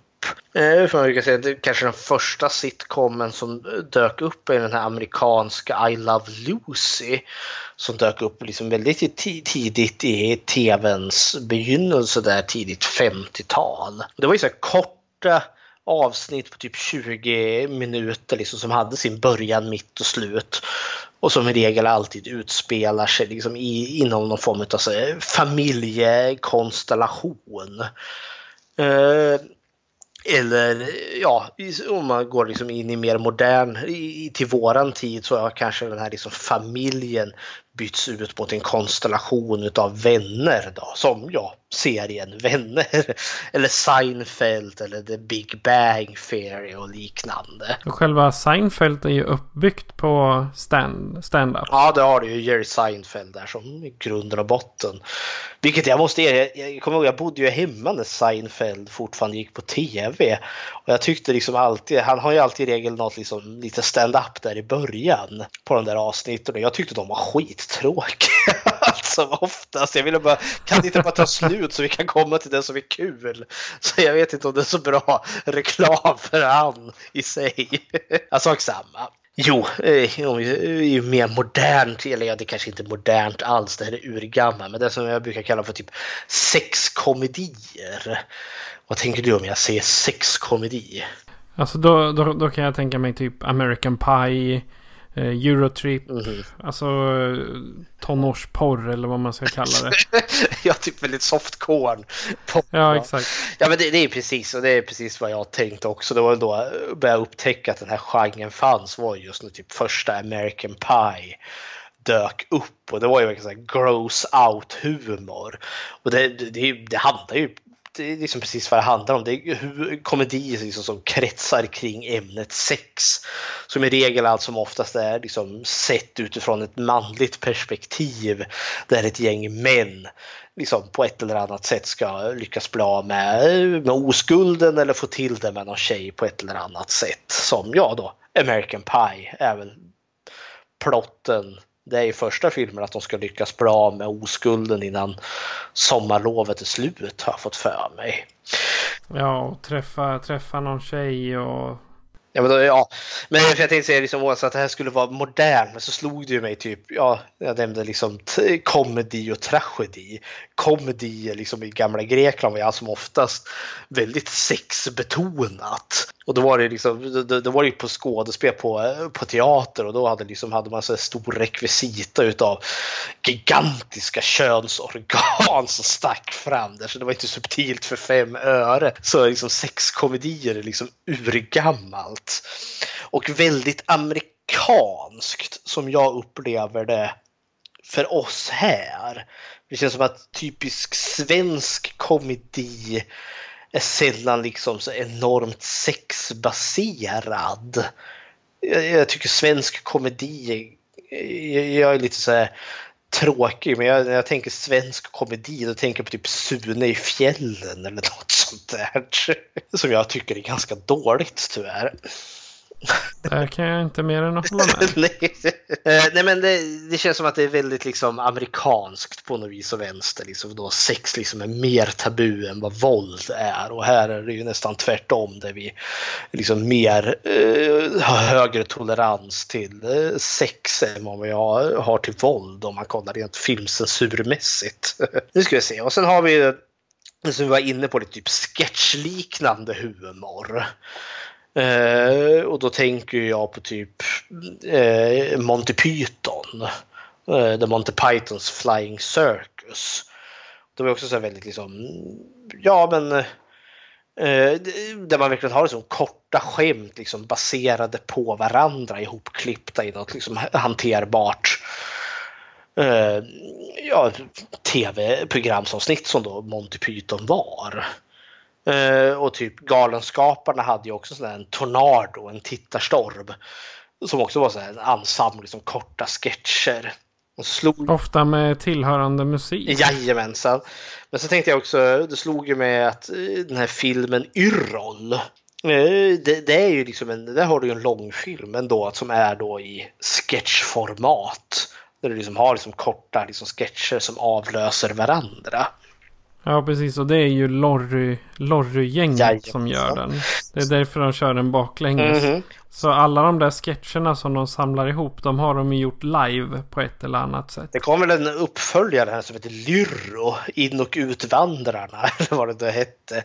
Och den fick väl ganska så halvdassig kritik, kommer jag ihåg. Ja, ja, det är förmodligen därför jag inte känner till den. Fördelen med sketcher är att du har ju så pass många skämt som staplas på varandra. Så liksom sannolikheten är att du hittar någon som passar dig i din smak är ju ganska stor. För jag tänkte typ Monty Python är sån här liksom, ja men det är komediguld. Men jag vet att när jag har kollat igenom de här några gånger så är det ju vissa gånger så jag känner bara, ja men det här är ganska träigt ändå. Men det finns så pass mycket så att man har ju alltid något att hämta. Eh, sen har vi typ parodifilmer. Vad tänker du när jag säger en parodifilm? Scary movie, superhero movie, ja, disaster movie. Det, det har du ju bra parodifilmer. Bra, bra skulle jag inte säga. Men det är bra. Ja, jag, jag, jag menade för att, för att visualisera ja, vad det, det, innebär. Det är precis eh, vad det är. Eh, jag är ju väldigt uppvuxen på den här typ nakna pistolen filmerna och det här är ju också egentligen någon form av sketchesk humor men med skillnaden då liksom man har tagit sig liksom en, ett, ett huvudämne av något slag som man väljer liksom att parodera i, liksom i form av populärkultur. Och Scary Movie är ett bra exempel för då var det ju liksom huvudramen var ju filmen Scream eh, som eh, var, liksom, var, var den stora liksom, snackisen där runt omkring och alla hade sett den och så gör man liksom eh, massa korta liksom, sketcher i en sammanhängande berättelse. Problemet med en sån film som Scary Movie är att den dateras ju i och med att du har ett källmaterial. Eh, så det gör liksom att har du inte sett Scream innan så eh, kanske liksom Scary Movie i sig blir lite märklig för då vet du liksom inte vilka scener som den paroderar. Men jag upplevde att liksom i slutet på 70-talet, början på 80 då hade vi verkligen en gyllene ålder utav parodier. Med då som just Nakna Pistolen eller Titta vi flyger eller Hot Shots och liknande. Smokey and the Ja, äh, jag skulle nog inte kvalificera dem som en parodi. Jag vet inte riktigt vad jag skulle ja, kvalificera den som. Det kan nog mera vara som en eh, komedi men den sätter nog lite Alltså jag anser att den sätter parodi på polisens... Eh, alltså hur poliserna illustreras i filmer. Förvisso, förvisso, men den har liksom inte den här sketcheska humorn. Alltså jag, jag skulle nog kanske, det där är ju en smaksak kanske då, men uh, den är så tonmässigt annorlunda än typ Nakna Pistolen och Hot Shots och Scary Movie. Uh, jag skulle nog kanske placera uh, Smokey and the Bandit typ i mer farsfacket ungefär. Alltså, Ungefär som Stefan och Christer. Ja, fast en amerikansk variant då i någon form av road movie-esk. Men har, eh, nu har vi parodi och då skuttar vi över till satir istället. Och vad tänker du när jag säger satir? Eh, Då är vi ju inne i det här med våra revyer och Eh, ska man säga, ja, typ Stefan och Krister hållet också. Fast inte just Stefan och Krister. Men det finns ju alla, alla möjliga sorters revyer. Eskilstuna-revyn exempelvis. De är duktiga på att göra satir. Mhm. Ja, men det, det, det, där är du verkligen något på spåret. Att eh, i, i de flesta liksom revyer och varietéshower så har du i regel ett satiriskt element och det brukar ju vara när man gör narr utav eh, ja, men, eh, de politiker och de världsledare och företag som finns. För satiren är ju egentligen att eh, ja, men, driva med Eh, Eh, med, med det mänskliga tillståndet. Satir brukar ju kunna vara egentligen kanske den mest seriösa utav eh, komedigenre kan man väl kalla det. För typ Charlie Chaplins Diktatorn är ju liksom en, det är ju en komedi och samtidigt ett, en sån svidande kritik gentemot Nazityskland och Hitler. Man ska ju komma ihåg att diktatorn när den dök upp, eh, nu kommer jag inte ihåg rent årsmässigt, men jag tror inte att andra världskriget hade startat ens en gång. Men det var ju liksom Charlie Chaplins totalsågning utav Hitler och naziregimen. Och en annan bra sån där är ju Dr. Strangelove. Som då handlar då, ja det är ju en bok i grund och botten, men som just handlar om den här eh, kalla kriget och eh, som, vad heter det, kärnvapen. Skräcken. Men ett bra, kanske mer eh, modern variant, för det behöver ju inte vara så vansinnigt seriöst. Typ Seth Rogen och Jesse Franco gjorde ju The, The Interview som handlar om när de ska, eh, de är två journalister som ska in, intervjua är det King, eh, King Jong-Un, Nordkoreas nuvarande diktator. Eh, eftersom att det visar sig att Karn, eh, diktatorn Kim där är förtjust i deras radioprogram och vill ha en intervju med dem. Och då vill CIA passa på att mörda honom så ska de liksom Seth Rogen och Jesse Franco lönnmörda Kim Jong-Un. Och där har du ju liksom ja, men, svidande kritik mot det rådande läget på något vis och vänster. Så det är vad jag tänker liksom är satir. Och då kommer vi då till det som kallas för typ svart komedi. Och vad tänker du när jag säger svart komedi? Alltså det är ju nära besläktat med satir. Mhm. Då tänker jag liksom en... Ja, en- det ska vara en komedi fast det är komik på någonting tragiskt. Ja, det kan man väl snurra på. För jag jag hade som exempel det typ Bad Santa. Billy Bob Forton där som den här brusade mannen som ska vara, eh, vad heter det, tomte. Så här, du vet, målsänta. Men han är väl där för att råna stället. Eh, så det, det, det finns en, onekligen en tragisk underton. Men typ svart komedi är väl typ väldigt elak jäkla humor. Men kanske inte riktigt riktad då att liksom säga mot liksom maktens elit som typ mer klassisk satir kanske gör. Utan typ, ja, Bad Santa så har du ju liksom, ja men vad kan man kalla han? Han är ju liksom vit eh, man slusk i samhällets botten. Han är bara ett rövhål till människa. Men det är ju liksom hans douchighet som gör det här liksom så roligt. Ett bra exempel på typ svart komedi är ju den här eh, Blackadder, Black Adder, eller Svarte Orm som den heter på, på svenska med Rowan Atkinson. Där han liksom spelar den här hemska aristokraten, ja, Svarte Orm och hans ja, vidriga tillvaro. Ett annat bra exempel är den här filmen Thank, Thank You for Smoking. Som hade vi får följa en man som då är eh, vad heter det, marknadsförare för ett tobaksbolag. Han liksom ska få folk att röka och han är liksom skamlös i, eh, i, i ja, eh, i hur han liksom då ska få folk att börja röka. Han är liksom en expert på att vända saker och ting till sin fördel när han blir inkallad på en intervju där liksom det är döendes barn där då, som håller på att lider utav, ja men håller på att dö i lungcancer liksom. Har inget hår och du vet, som kemoterapi, man tappar alltihopa där liksom. Och så ska de få honom att ställa antisvar, liksom hur kan han, för rökning leder ju till lungcancer. Men han kan ju vrida på och vända på det där liksom att nej men nej, han vill ju inte alls att det här barnet ska dö eftersom att, eh, ja men det är ju mitt intresse att han ska leva länge länge så han kan röka så mycket som möjligt för jag vill ju sälja cigaretter. Och han liksom är så jävla slängd i käften så han får liksom med sig folket. Så liksom folk sitter och jublar i slutändan. Ja, men det är typ, för att göra en lång historia kort, typ svart komedi. Det är väldigt elak komedi, väldigt eh, icke-PK eh, komedi kan man väl kalla det. Ja, eh, och då kan vi gå till eh, vad jag brukar, till dess raka motsats. En feelgood komedi. Och vad tänker du när jag säger feelgood? Ja, du, då är det ju... Då tänker jag romantisk komedi. Alltså typ eh, Baksmällan eller... baksmällan? Är det en romantisk komedi? Ja, nej, alltså romantiska komedier eller Baksmällan. okay. Typ, det var så jag tänkte. Alltså kommer, där det händer roliga saker och folk, fast det blir något positivt. Dum och dummare.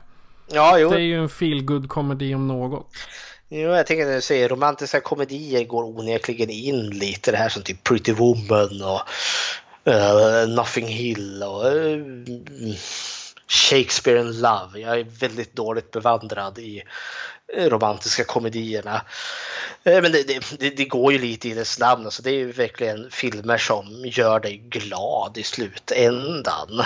Filmer som typ Little Miss Sunshine eller Amelie från Montmartre eller typ En värsting till syster. Fyra bröllop och en begravning. Det är liksom väldigt mycket, tar liksom vardagen i, på, på, ja, men på allvar. För det är liksom, ja, men som romantiska komedier handlar ju väldigt mycket om att liksom hitta kärleken helt enkelt. Och alla liksom problem som kan uppstå där på vägen. Eh, och jag är väl utifrån mitt lilla killgissande här så har jag väl tänkt liksom att feelgood komedier är väl det som vi kanske har mest av. Och Storbritannien är en sjujäkel på att leverera dem. Men då börjar vi närma oss liksom där vi ändå så hamnar och det är ju då liksom när man slår ihop kategoriblandning eh, utav eh, ja, olika genrer helt enkelt. Och då kommer vi där till liksom, ja, men vad händer om du blandar liksom skräck och komedi? Ja, då blir det ju en skräckkomedi. Så det... oh, det där, det visste jag, det hade jag inte väntat mig. Nej, skräck och komedi är ju liksom en väldigt bra, eh, vad heter det, eh, mix måste jag villigt erkänna. För liksom skräck och komedier liksom är ju liksom väldigt lätt kanske liksom, ja, men komma in i det liksom parodi, satirhållet. Jag tänker på de exempel som vi tog där, liksom att, ja, men som Black Sheep. Liksom, hur, hur bisarrt är det inte om fåren blir zombies? Eller eh, ja, och liknande. För liksom, många liksom så skräckkomedier där du liksom har någonting läskigt men ändå liksom en humoristisk touch eh, brukar ju gärna liksom vara liksom att ta någonting som egentligen är väldigt gulligt och vardagligt som typ jultomten och så gör du jultomten till liksom ett, ett monster på något vis som vänster, ja, men som i Krampus eller liknande liksom ta någonting, ja men ta liksom det, det vanliga och ställ det på sin ända. Ja, de mordiska fåren eller töntiga vampyrer och så vidare och så vidare. Och jag tänkte 80-talet var ju verkligen den här gyllene eran. Eh, då liksom skräckkomedierna kom. Eh, liksom, det var liksom efter eh, slashervågen där så hade det ju liksom, det var ju då de började komma. Alla de här liksom ganska lättsinniga eh, komedierna med väldigt mycket blod i sig. Och då tänker jag, ja, Killer Clowns from Outer Space nämnde vi ju där bland annat.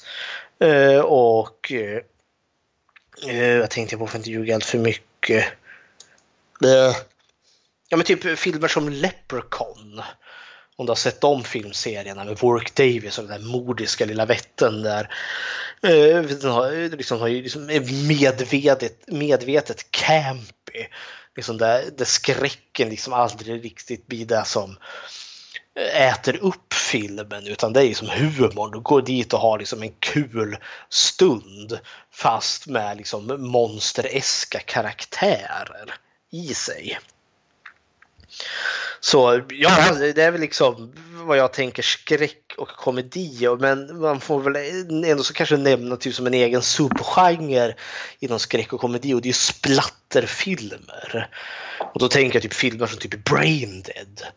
För det är liksom det, det är nästan unikt för liksom skräckgenren. Liksom då, då, då liksom blodet står i fontäner.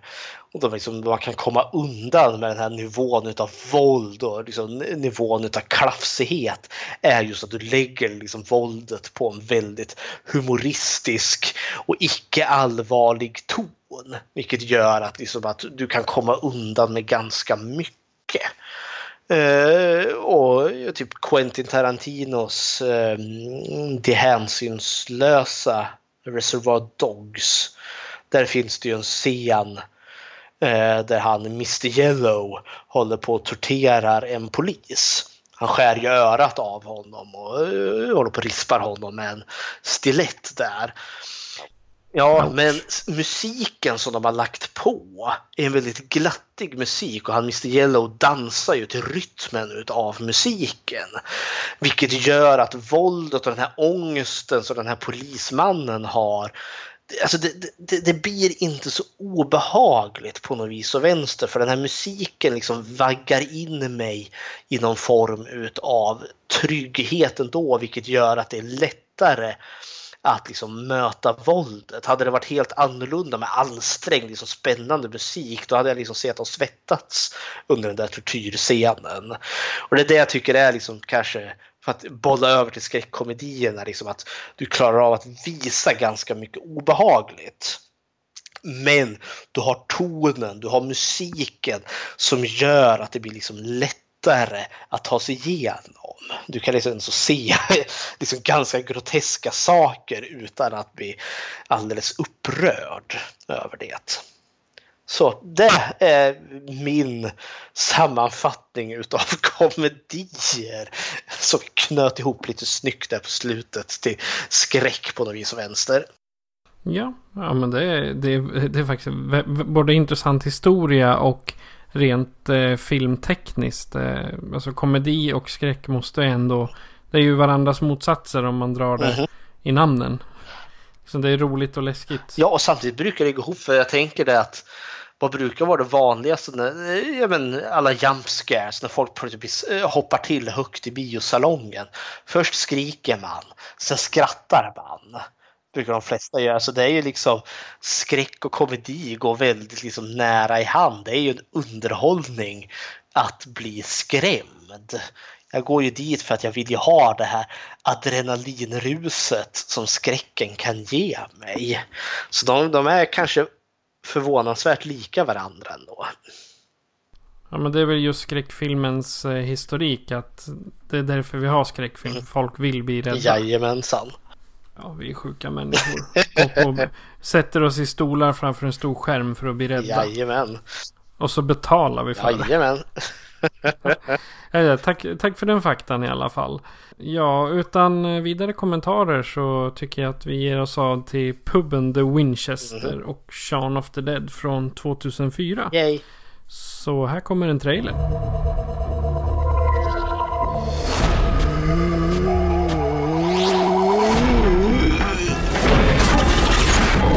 Do you ever think that modern life is not for you? Do you do the same dead end job every day? Is your love life dying on its feet?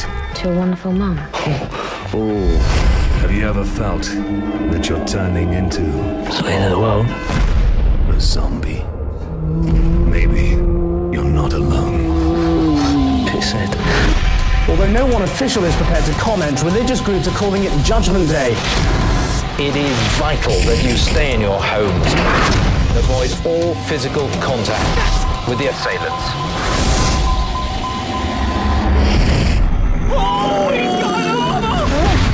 So, what's the plan? Bash him in the head. That seems to work out. Why have we got to go Lizzie? because I love her. All right, gay. Do something! Wait there. hold it there. I'm coming!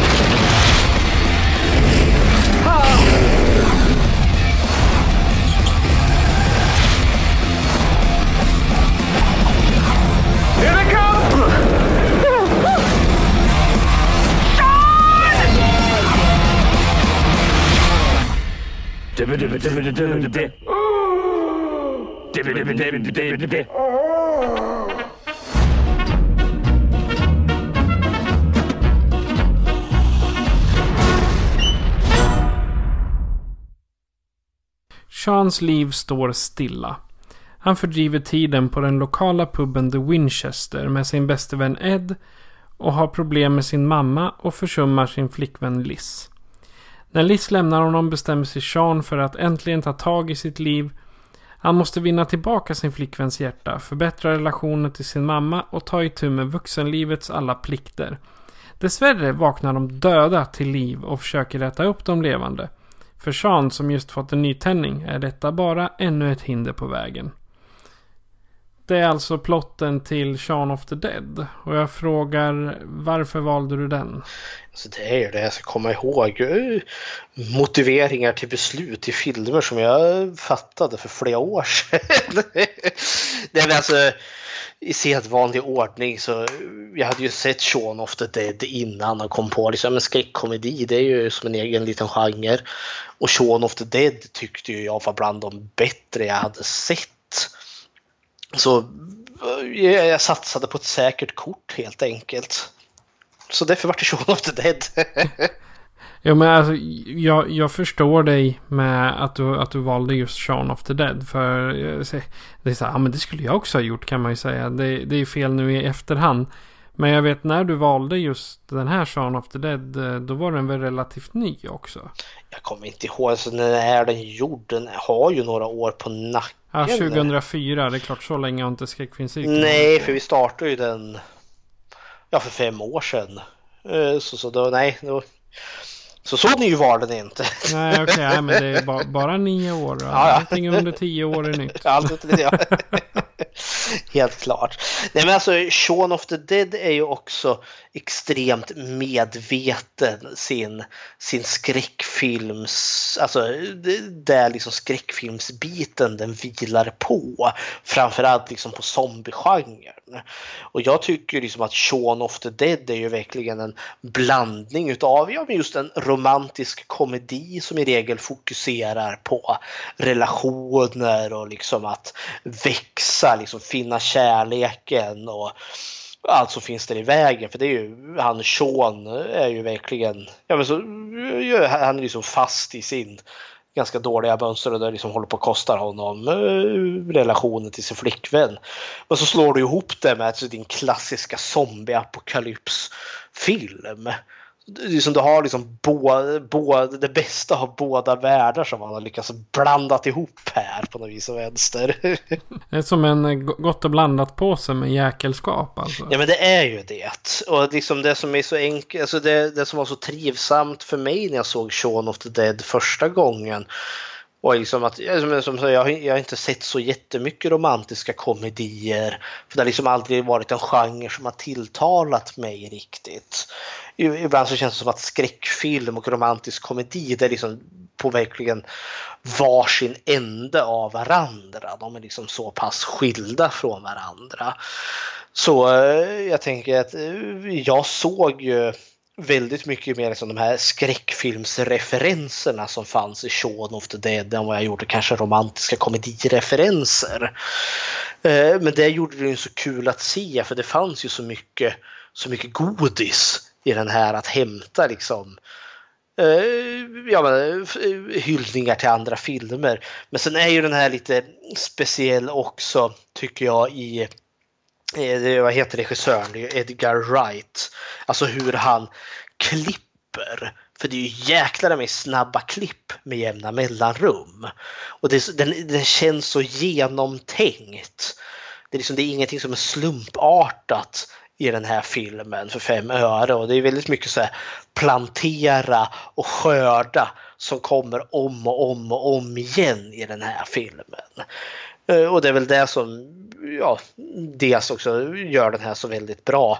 Är för att det, det den är genuint genomtänkt och sen Simon Pegg och Nick Frost, de två manliga huvudrollsinnehavarna här, alltså de, de är ju så eh, de har ju sån komisk timing. Eh, Och det är ju vansinnigt viktigt när det kommer till komedi. Eh, Så liksom det, det, är- det, det är bara check på check på check i rätt lista. Så det här är verkligen så att lightning in a bottle. Den är ta mig fan perfekt. Jag har en känsla av att du tycker om Shaun of the Dead. Nej, den är ganska dålig ändå. Ja, det är skräpfilm. Vi, vi, vi älskar allting men filmen är jättedålig. Jajamensan. Nej men det, alltså, jag, jag har jag, alltså när, jag, när man har filmer liksom som man tycker om så eh, kan man ju ändå så, ja, om man anstränger sig plocka ut lite saker som man tycker är dåligt i dem. För många filmer är sällan liksom fullpoängare. Men med Shaun of the Dead Ja, nej, jag, jag, det, jag kan inte komma på mig att det finns någonting i filmen som jag stör mig på. Där jag känner liksom att nej men kom igen. Eh, utan den, ja, den, den, den, är, den, den är en fullpoängare enligt mig. Ja. Jag, gillar, alltså jag gillar alla så här taglines och grejer de har, de har använt innan. Här, Buy milk, ring mum, dodge zombies. Eller så a romantic comedy. With zombies. Mhm. Men vad tycker du själv om den här filmen då? Alltså Shaun of the Dead. Jag, jag har haft lite svårt för sådana här eh, rip-offs på, på Romeros eh, klassiker och sådär. Men inte Shaun of the Dead. För den, den kändes inte som Shaun of the Dead. Utan det här kändes mera som en brittisk eh, komedi. Där det råkar springa runt lite döda här och var. Mhm. Så den hade lika gärna kunnat eh, heta Death Drinks a Beer. Eller nå- något sånt där eh, skojigt namn. Jo. Men, men just det här att eh, han... Det, filmen har inte varit densamma utan alla dessa hyllningar till diverse andra zombiefilmer. Ja, nej men alltså det här är ju verkligen en klass, alltså det, det, om man ska ta på de här kategorierna som vi listade upp så är ju det här verkligen en parodifilm och det är ju en parodi på The Night of the Living Dead, alltså det är ju George Romeros zombiefilmer. Men grejen är ju den att den är ju så bra gjord i sig själv. Som jag De sa, gör liksom en egen... Det blir en egen film Det fast det skulle vara en parodi. Du behöver liksom inte ha sett eh, George Romeros eh, zombiefilmer för att kunna ta dig till den här. Det var som jag sa med typ filmen som Scary, Scary Movie. Då bör du ha sett filmen Scream. För liksom komedin i den är så pass tätt förknippat med, med, med Scream. Där man liksom bokstavligen gör parodi på scener från, från, från filmen. Så, så gör det liksom att har du inte sett den, ja men då har du förlorat väldigt mycket. Men Shaun of the Dead är verkligen sin egen produkt. Eh, det, det ska ju till att vara filmnördar som oss för att... Ja, och om man bläddrar på IMDB då. För att se alla de här parallellerna eller hyllningarna de drar till diverse, diverse zombiefilmer. Ja. Särskilt i Romeros blandning då. Ja, men det blir ju liksom när, när det dyker upp någonting som en uppenbar liksom hyllning eller referens till till, till någon av Romero-filmerna så är ju det bara liksom, det är små guldkorn. Alltså filmen vilar inte på dem.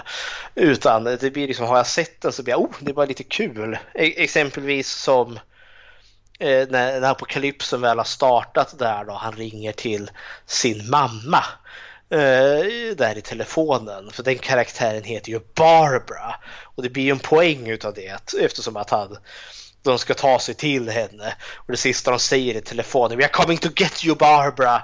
Och det är ju liksom direkt taget ifrån The Night of the Living Dead. Där han, äh, ja, brorsan till den kvinnliga huvudrollsinnehavaren i den filmen håller på och retar henne då han liksom håller på och skrämmer upp henne med att säga We are coming to get you Barbara. Så det är, det är ju bara liksom extra liksom en liten extra liten punchline. Men liksom filmen står inte och faller. Jag, har jag inte sett eh, Night of the Living Dead så gör det ingenting. Alltså, du, jag, jag, får bara extra eh, godis om jag har sett The Night of the Living Dead. Ja, för jag tänkte det också. Eh, när Ed, när han var We're coming to get you Barbara. För det är Ed som ropar det i luren. Mm -hmm. då, då, då, då, tänker jag liksom, men han har han kan referensen redan.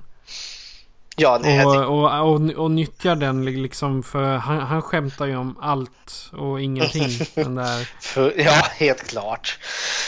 Men alltså det som är alltså en annan styrka med den här också tycker jag är ju att de har de här karaktärerna, för det är ganska många karaktärer i den här filmen, är ju verkligen att alla liksom har sin tydliga utveckling. Alltså det är ingen karaktär som blir den här liksom skumma bakgrundsfiguren som bara är det här liksom slöseriet på tid.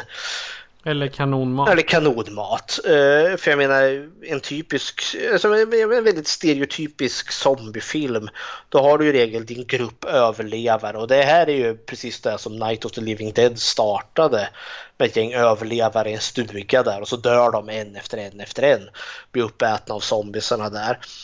Uh, och det är liksom den typiska ja, typiska zombiefilmen och Shaun of the Dead är ju inget undantag utan du får ju din grupp överlevare här och så dör de ju en efter en efter en. Men jag upplever att ingen av de här karaktärerna är som du säger kanonmat utan det finns liksom varje karaktär har sin lilla storyline vilket gör liksom att alla är intressanta. På ett alla, alla har liksom en inverkan på själva historien ja. eller tidslinjen. Det är inte att Ja, titta där är min faster. Blä. Oj, hon är död. Nu, nu springer vi vidare. ja. Så. Nej men se, det är just för det, det, det, är ju inte bara den här monsterfesten som är zombisarna.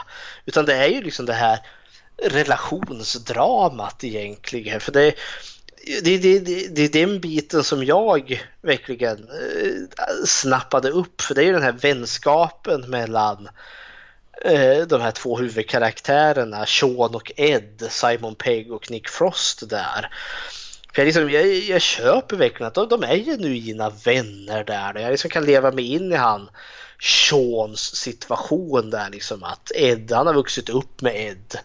Men Ed är verkligen inte, ja, han är väl kanske inte den bästa av kamrater på det sättet. För han verkligen håller ju tillbaka honom. Ja. Eller så är han den, den som håller eh, Sean flytande. Det också, för det är liksom det är både och. För liksom omvärlden är ju på honom. Typ, ja, men Seans flickvän Liz där är ju på honom. Liksom, för hon står liksom inte ut. Hon vill mera. Vill vidare i relationen. Och deras rumskamrat Pete där är ju, ja han vill ju bara, om han hade fått bestämma så hade han ju sparkat ut eh, Ed då sedan länge.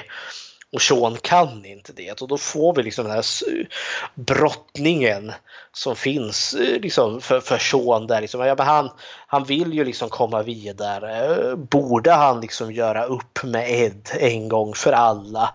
Och jag menar Ed gör verkligen inte de bästa utav val under den här filmen heller för det är en väldigt egocentrisk karaktär. Men samtidigt är ju han också liksom obrottsligt eh, lojal till Sean. Så jag förstår ju verkligen. Jag menar, Ed är ju verkligen med i skulle ju verkligen eh, ja, ge allt för Sean. Och samtidigt, och samtidigt också hålla tillbaka honom. Så det är det jag tycker liksom är så snyggt. Men liksom, jag köper relationen. Den, jag känner för dem. Och det, det, det är ju fler sådana här liksom, då den faktiskt blir på allvar. De få gånger det blir det. Eh, så, så är det liksom, ja men till, till filmens liksom, den vet när den ska liksom satsa på att vara larvig. Och den vet också när den ska satsa på sina seriösa element. Jag menar en scen som fortfarande ger mig gåshud, nu är det ju spoiler alert här, eh, är ju när Seans mamma dör, Barbara där. När hon, liksom, hon har ju blivit biten och så sakta dör hon ju liksom i hennes liksom dödsryckningar där och Seans liksom förtvivlade skrik. Alltså det gör ont i mig. Jag känner genuint hans smärta där och då. Och jag tänker att det där liksom, för de, de gör liksom inte hennes död till någonting larvigt. Det är ingen punchline utan nu, nu får publiken lida här för att nu är det allvar. Och det, det, det är det jag gillar hur han lyckas balansera det här liksom fantastiskt liksom löjliga oseriösa med det seriösa. För jag menar tidigare så har vi en scen med de här två zombisarna i deras bakgård när de börjar upptäcka att eh, London har bevisligen gått under och det finns zombies. Och de ska lyckas besegra de här två zombiesarna genom att förstöra huvudet eller förstöra hjärnan där. Och de står och kastar LP-skivor på dem och bläddrar, ja, bläddrar, i, bläddrar igenom deras eh, kollektioner för att hitta liksom, eh, ska vi, Pinks Purple Rain, nej den är ju bra. Nej, det är en första pressning. soundtracket till Batman. Jag bara skicka iväg det. Die, die straight. Ja, släng den. släng skiten. Men det är ju snarare alltså när de slänger dem. Det är ju mera så att de liksom irriterar zombierna så de kommer ännu snabbare. ja men de är så jävla tafa. Hur, hur, hur besegrar man en zombie med en LP-skiva? Nej det händer inte. Nej men sen är det också på film. Då har man ju sett alltså folk som klyver huvuden med en LP-skiva. Ja. Och jag kan tänka mig att det är något sånt de har sett. Ja men de är ju så tafatta så att det är inte klokt. Men det är det som är charmen med dem. Jag tycker ju genuint om de här karaktärerna och deras liksom öden och äventyr. Eh, och samtidigt har de ju liksom stunder då de verkligen går och blir det här liksom överdrivna slasket. Samtidigt den där första zombien som de möter där på bakgården knuffar de ju till och hon faller ju på något eh, parasollhållare, alltså ett järnrör som sticker upp. Och det där röret går ju rakt igenom henne. Jag tänker det är ju inte realistiskt för fem öre. Och hon liksom släpar sig upp och så ställer de sig att vi kan se liksom rakt igenom hennes rygg så kan vi se Sean och Ed stå där på andra sidan. Så det, det, den har ju sina stunder då liksom blodet står i fontäner. Men jag tror att det är lite av ett... Eh, vad, vad, vad, ska man säga? Ett, ett, lite av ett krav att de måste ha lite allvarligt i det, på det sättet. För de, det är ju trots allt en människa som dör. Jo, men jag tänker det, det hör ju zombiefilmerna till. Alltså zombiefilmer ska ju vara blodiga. Det ska vara klafsiga jäkla filmer. Och det är också George Romero som har satt tonen med de här Dawn of the Dead och Day of the Dead. Som är bra blodiga filmer. Ja, vad tycker du om deras val av vapen? Ja, hans krocketklubba. Cricket-rack? Jajamensan. Ja, det är väldigt brittiskt. ja, men det, det är också det med, med den här filmen att den utspelar sig i Storbritannien och den är, alltså allting med den är, är brittiskt, eller man ska säga. För med, britterna spelar inte baseball, utan de spelar cricket. Och då tar man såklart ett cricketrack. Jajamensan. Nej men eh, jag gillar ju också mm, den här resan som Sean får göra. För det är ju liksom som du sa, eh, flickvännen dumpar ju honom för att han, jag menar, han lever väl liksom eh, jag skulle inte kalla honom för en loser men liksom det är väl så han känner. Liksom. Han, är liksom, han är väldigt nöjd med sin tillvaro som jag upplever man, man, Han hänger med polan Ed eh, och eh, har sin flickvän eh, Liz där. Men Liz vill mera och han är liksom Nej, men det är väl trevligt att hänga på Winchester och allt det där. Liksom. Han har stagnerat på något vis och vänster. Eh, Han har liksom fastnat i eh, där han är. Ja. Och, eh, och under filmens gång så får han ju liksom skina upp och liksom blir den här ja, eh, hjälten eller alltså den här aktiva människan. Och i slutändan så är han ju inte det heller för liksom filmen slu- den börjar ju liksom sittandes i soffan, han och Ed. Och den slutar ju med dem sittandes i soffan, han och Liz. Och de har liksom ja, men, förenats på något vis och vänster i sin liksom, trivsamhet. Liksom, livet behövde inte så mycket. Men också det blir ju liksom en lagom så här slaff, slaff, slaff. Oj då, nu är det bara vi kvar. Under en, en timme och 40 minuter. Ska inte säga, det smällde ju inte på en gång. Så det Nej, tog ju de där. Nej men jag, ja, vad finns det att säga om den här? Alltså, ja, men den, musiken är väldigt trevlig i den här och eh, det finns också ett grepp, alltså de här jättesnabba klippen är ju det här liksom, som ett väldigt typiskt Edgar Wright som har gjort de här och det, det märks ju för han gjorde ju två filmer till det här som kommer att kallas för Cornetto-trilogin. Eh, eh, då han har sin väldigt säregna stil med just de här snabba klippen som hör liksom de här filmerna till. Men sen också de här scener som jag brukar tycka väldigt mycket om är ju så väldigt långa tagningar. För du får ju, jag sa ju den här, den här filmen planterar och skördar väldigt väl. För något jag tänkte på, jag ska ta som exempel här då, är ju, man får se liksom Seans liksom vardagsrutin. När han ska upp på morgonen och han ska göra sig i ordning för att gå på jobbet. Eh, Ed sitter och spelar något spel. Och, Eh, ja, han och Sean beger sig iväg för att gå till någon närliggande butik. Och då har vi en enda lång tagning där liksom man ser Sean komma ut ur huset, han går förbi någon kille som spelar fotboll, han möter någon hemlös man som han ger pengar, springer förbi någon joggare, någon står och tvättar sin bil och så liksom får man följa liksom hela vägen, det är inga klipp däremellan utan det är från hans eh, vad heter det, dörr in till butiken där han köper då en cola och en cornetto-glass. Eh, och snackar lite med butiksträdet och så, så kliver han tillbaka och liksom hela vägen in igen. För den scenen kommer ju tillbaka senare efter att Liz har dumpat honom och han och Ed har varit ute och supit. Eh, ja, för att han har blivit dumpad här då.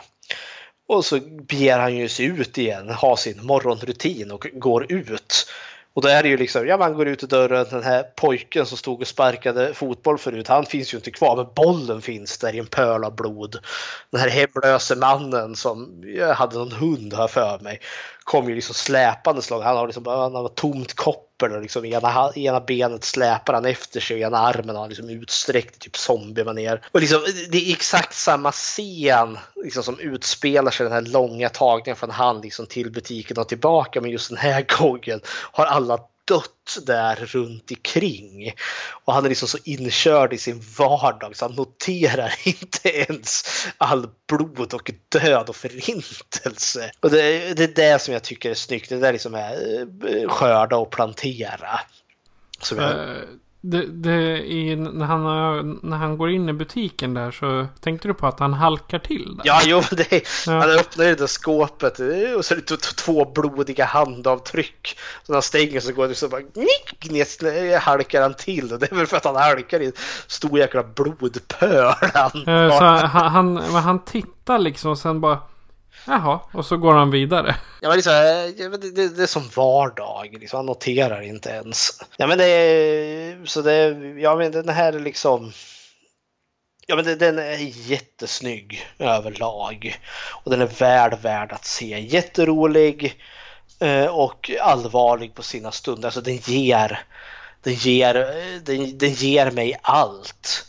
För liksom i slutet så är det ganska så allvar ändå med de sista överlevande. Och jag kan liksom, filmen har fått mig att verkligen känna för de här karaktärerna. Så jag, eh, jag, jag tycker om dem. Och därför liksom är jag investerad i vad som händer med dem. Så ja, det så, ja, en perfekt skräckkomedi. Ja. Tycker jag det här är. Sean och Ed, eller Simon Pegg och Nick Frost, de baserade väldigt mycket i den här filmen tillsammans med regissören då på att de har faktiskt bott tillsammans en gång i tiden. Ja men det har de. De är ju riktiga vänner i, i verkligheten. Ja, ja, men e- ett tag så bodde de alltså i samma, samma lägenhet. De delade ja. lägenhet. Det var, det var där. Nu, nu bläddrar jag på IMDB och säger, där, där jag säger det är inte säkert att det är sant. men man vet aldrig. Och så när det, vid ett tillfälle så fick eh, Simon Pegg, Pegg eh, frågan liksom varför har ni inte springande zombies istället för eh, gående? Och då svarar han för döden har, är ingen energidryck. Okej. Ja, det, det, är- alltså, det är ju klockrent svar Ja. anser jag. Nej, men samtidigt tänker jag också, för det är ju den klassiska zombiefilmen. Jag tänkte det var inte som först med, med remaken utav Dawn of the Dead som Zack Snyder gjorde. Då zombien började springa. Och det funkade väldigt väl då. Men liksom det här är ju en hyllning till Romeros zombiefilmer. Och Romeros zombies, de släpar sig långsamt framåt. Och sen eh, Romero eh, har kallat den här för sin favoritfilm. Ja. Nu, Han, eh, de hade, alltså innan de visade den på bio så hade de, var de tydligen hemma hos eh, Romero och visade den privat. Ja, ja, I hans hus. Och fick hans godkännande. Ja, det, det var nice. Ja, det vill jag lova. Ja.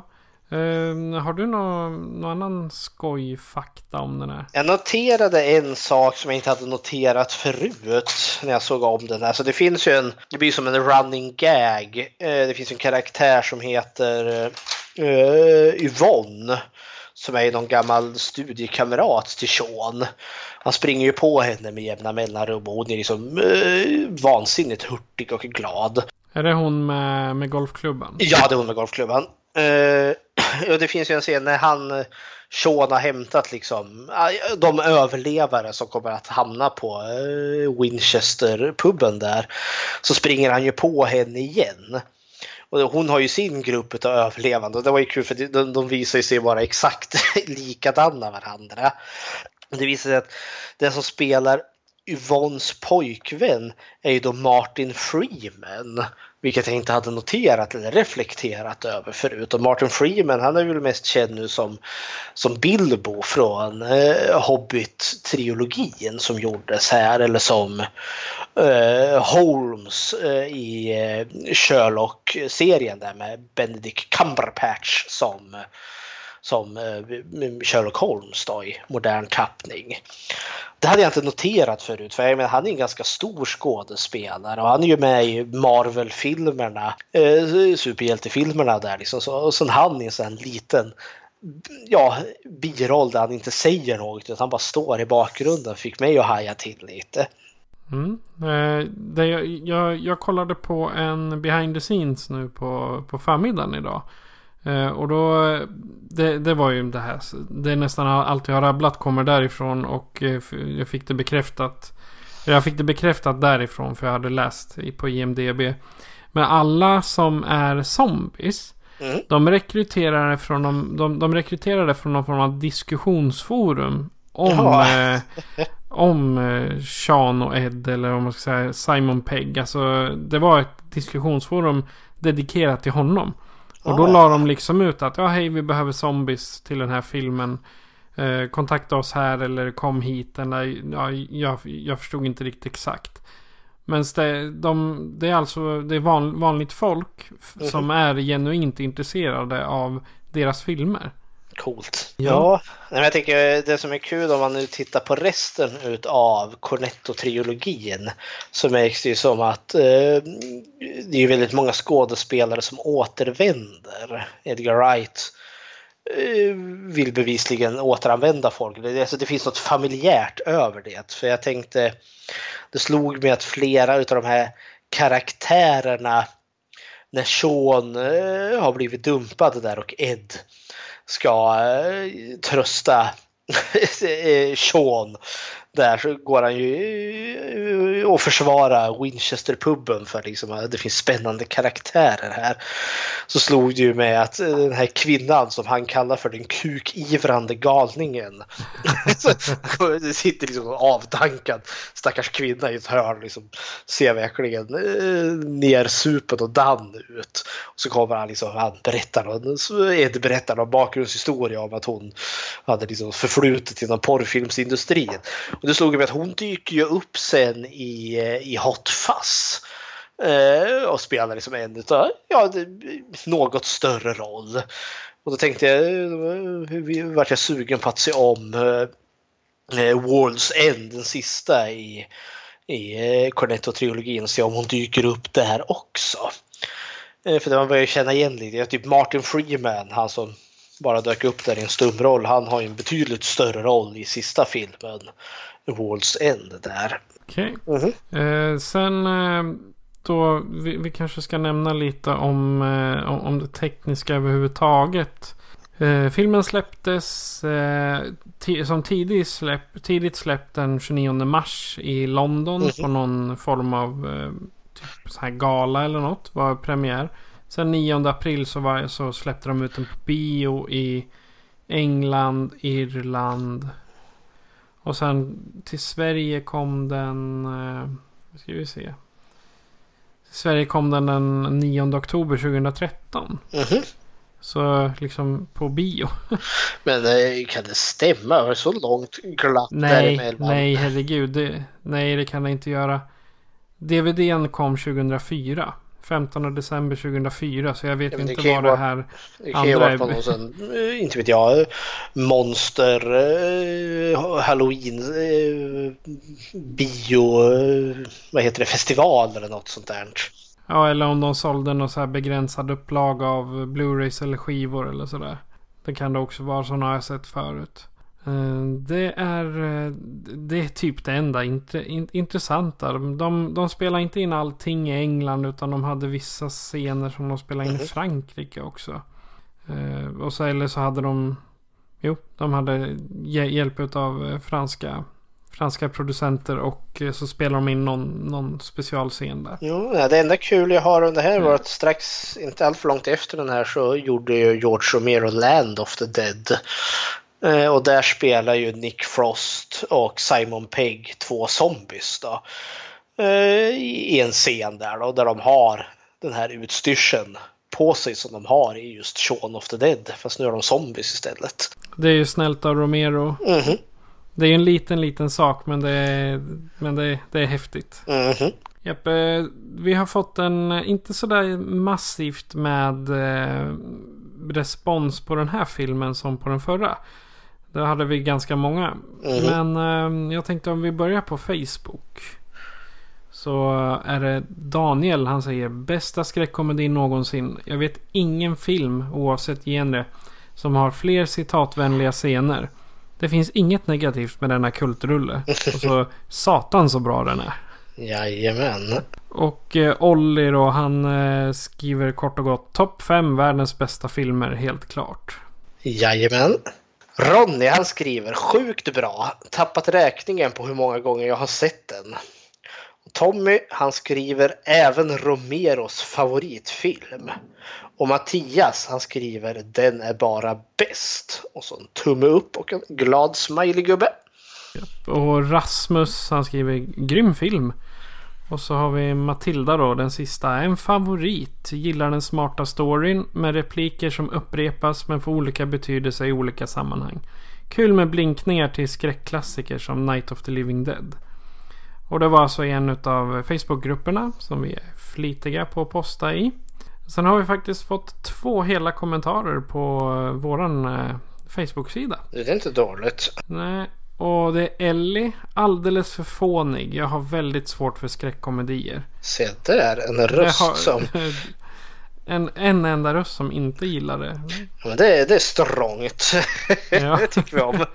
och så Björn, engelsk humor i toppform.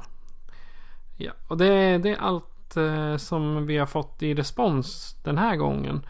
Jag säger det var väldigt mycket mer förra, förra, om, förra eh, vad heter det? Vad tittar vi på? Stephen King, The Mist. Ja, visst. Ja, men den slog hade lite vi, mer. ja, precis. Då höll vi på nästan 10 minuter att läsa upp alla. Men det är kul. Så det vill vi ha mer av. M- Mycket Jajamän. mera respons på, våra, på filmerna.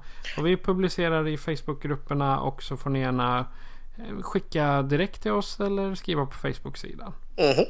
Men Ni får gärna också skriva in vad ni tycker och tänker om vad vi faktiskt gör. Vi efterlyser gärna den responsen.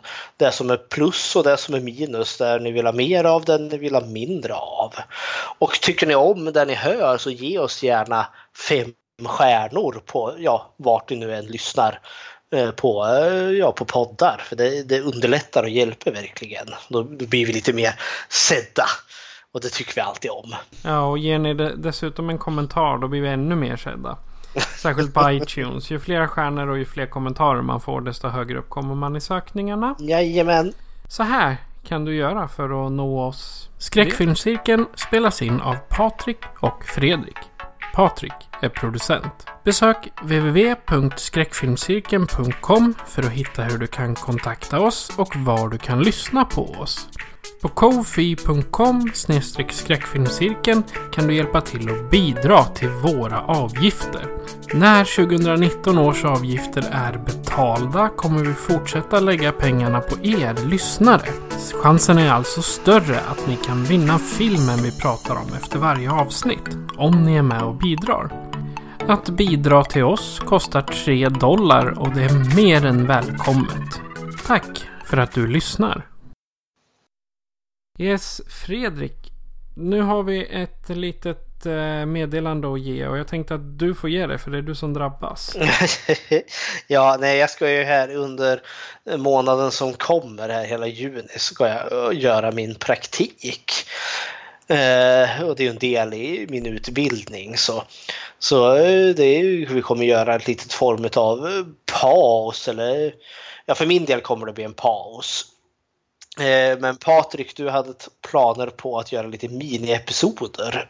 Jajamän, det kommer komma lite kortare episoder med som jag kallar sommarvikarier. Eh, ja, skämtsamt. Men det är alltså förhoppningsvis eh, är det medlemmar i skräckfilmscirkeln på våran studiecirkel alltså. Som kommer vara med och prata lite och ge sina, sina blickar på en film. Så min röst, den blir ni inte av med. Men eh, Fredrik han ger sig ut och studerar helt enkelt. Och vi, vi, vi, hade, vi, vi ska leverera ett avsnitt till innan du går på semester. Eller s- praktik. Eller gå på praktik. Precis. Och vad ska vi göra då? Jo, nej, men jag, vi tänkte att vi skulle avsluta Cornetto-trilogin här så att vi knyter ihop säcken lite snyggt här.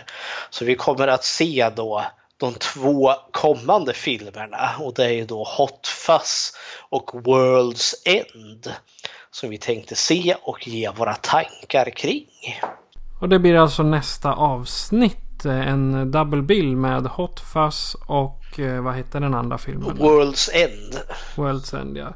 Så att eh, se till att se dem till nästa avsnitt så får ni höra våra tankar om dem.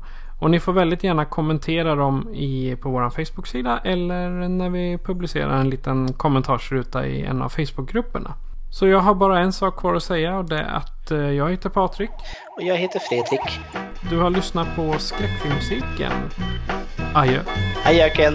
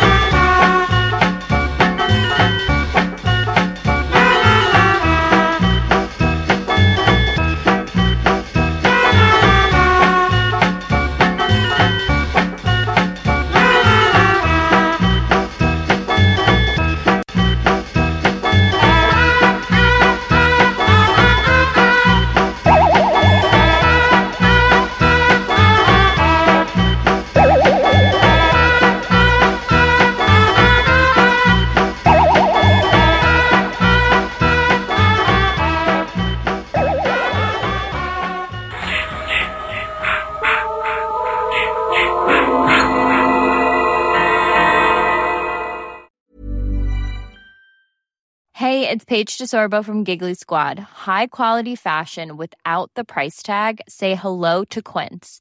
I'm snagging high-end essentials like cozy cashmere sweaters, sleek leather jackets, fine jewelry, and so much more. With Quince being 50 to 80% less than similar brands. And they partner with factories that prioritize safe, ethical, and responsible manufacturing. I love that. Luxury quality within reach. Go to quince.com slash style to get free shipping and 365 day returns on your next order. Quince.com slash style.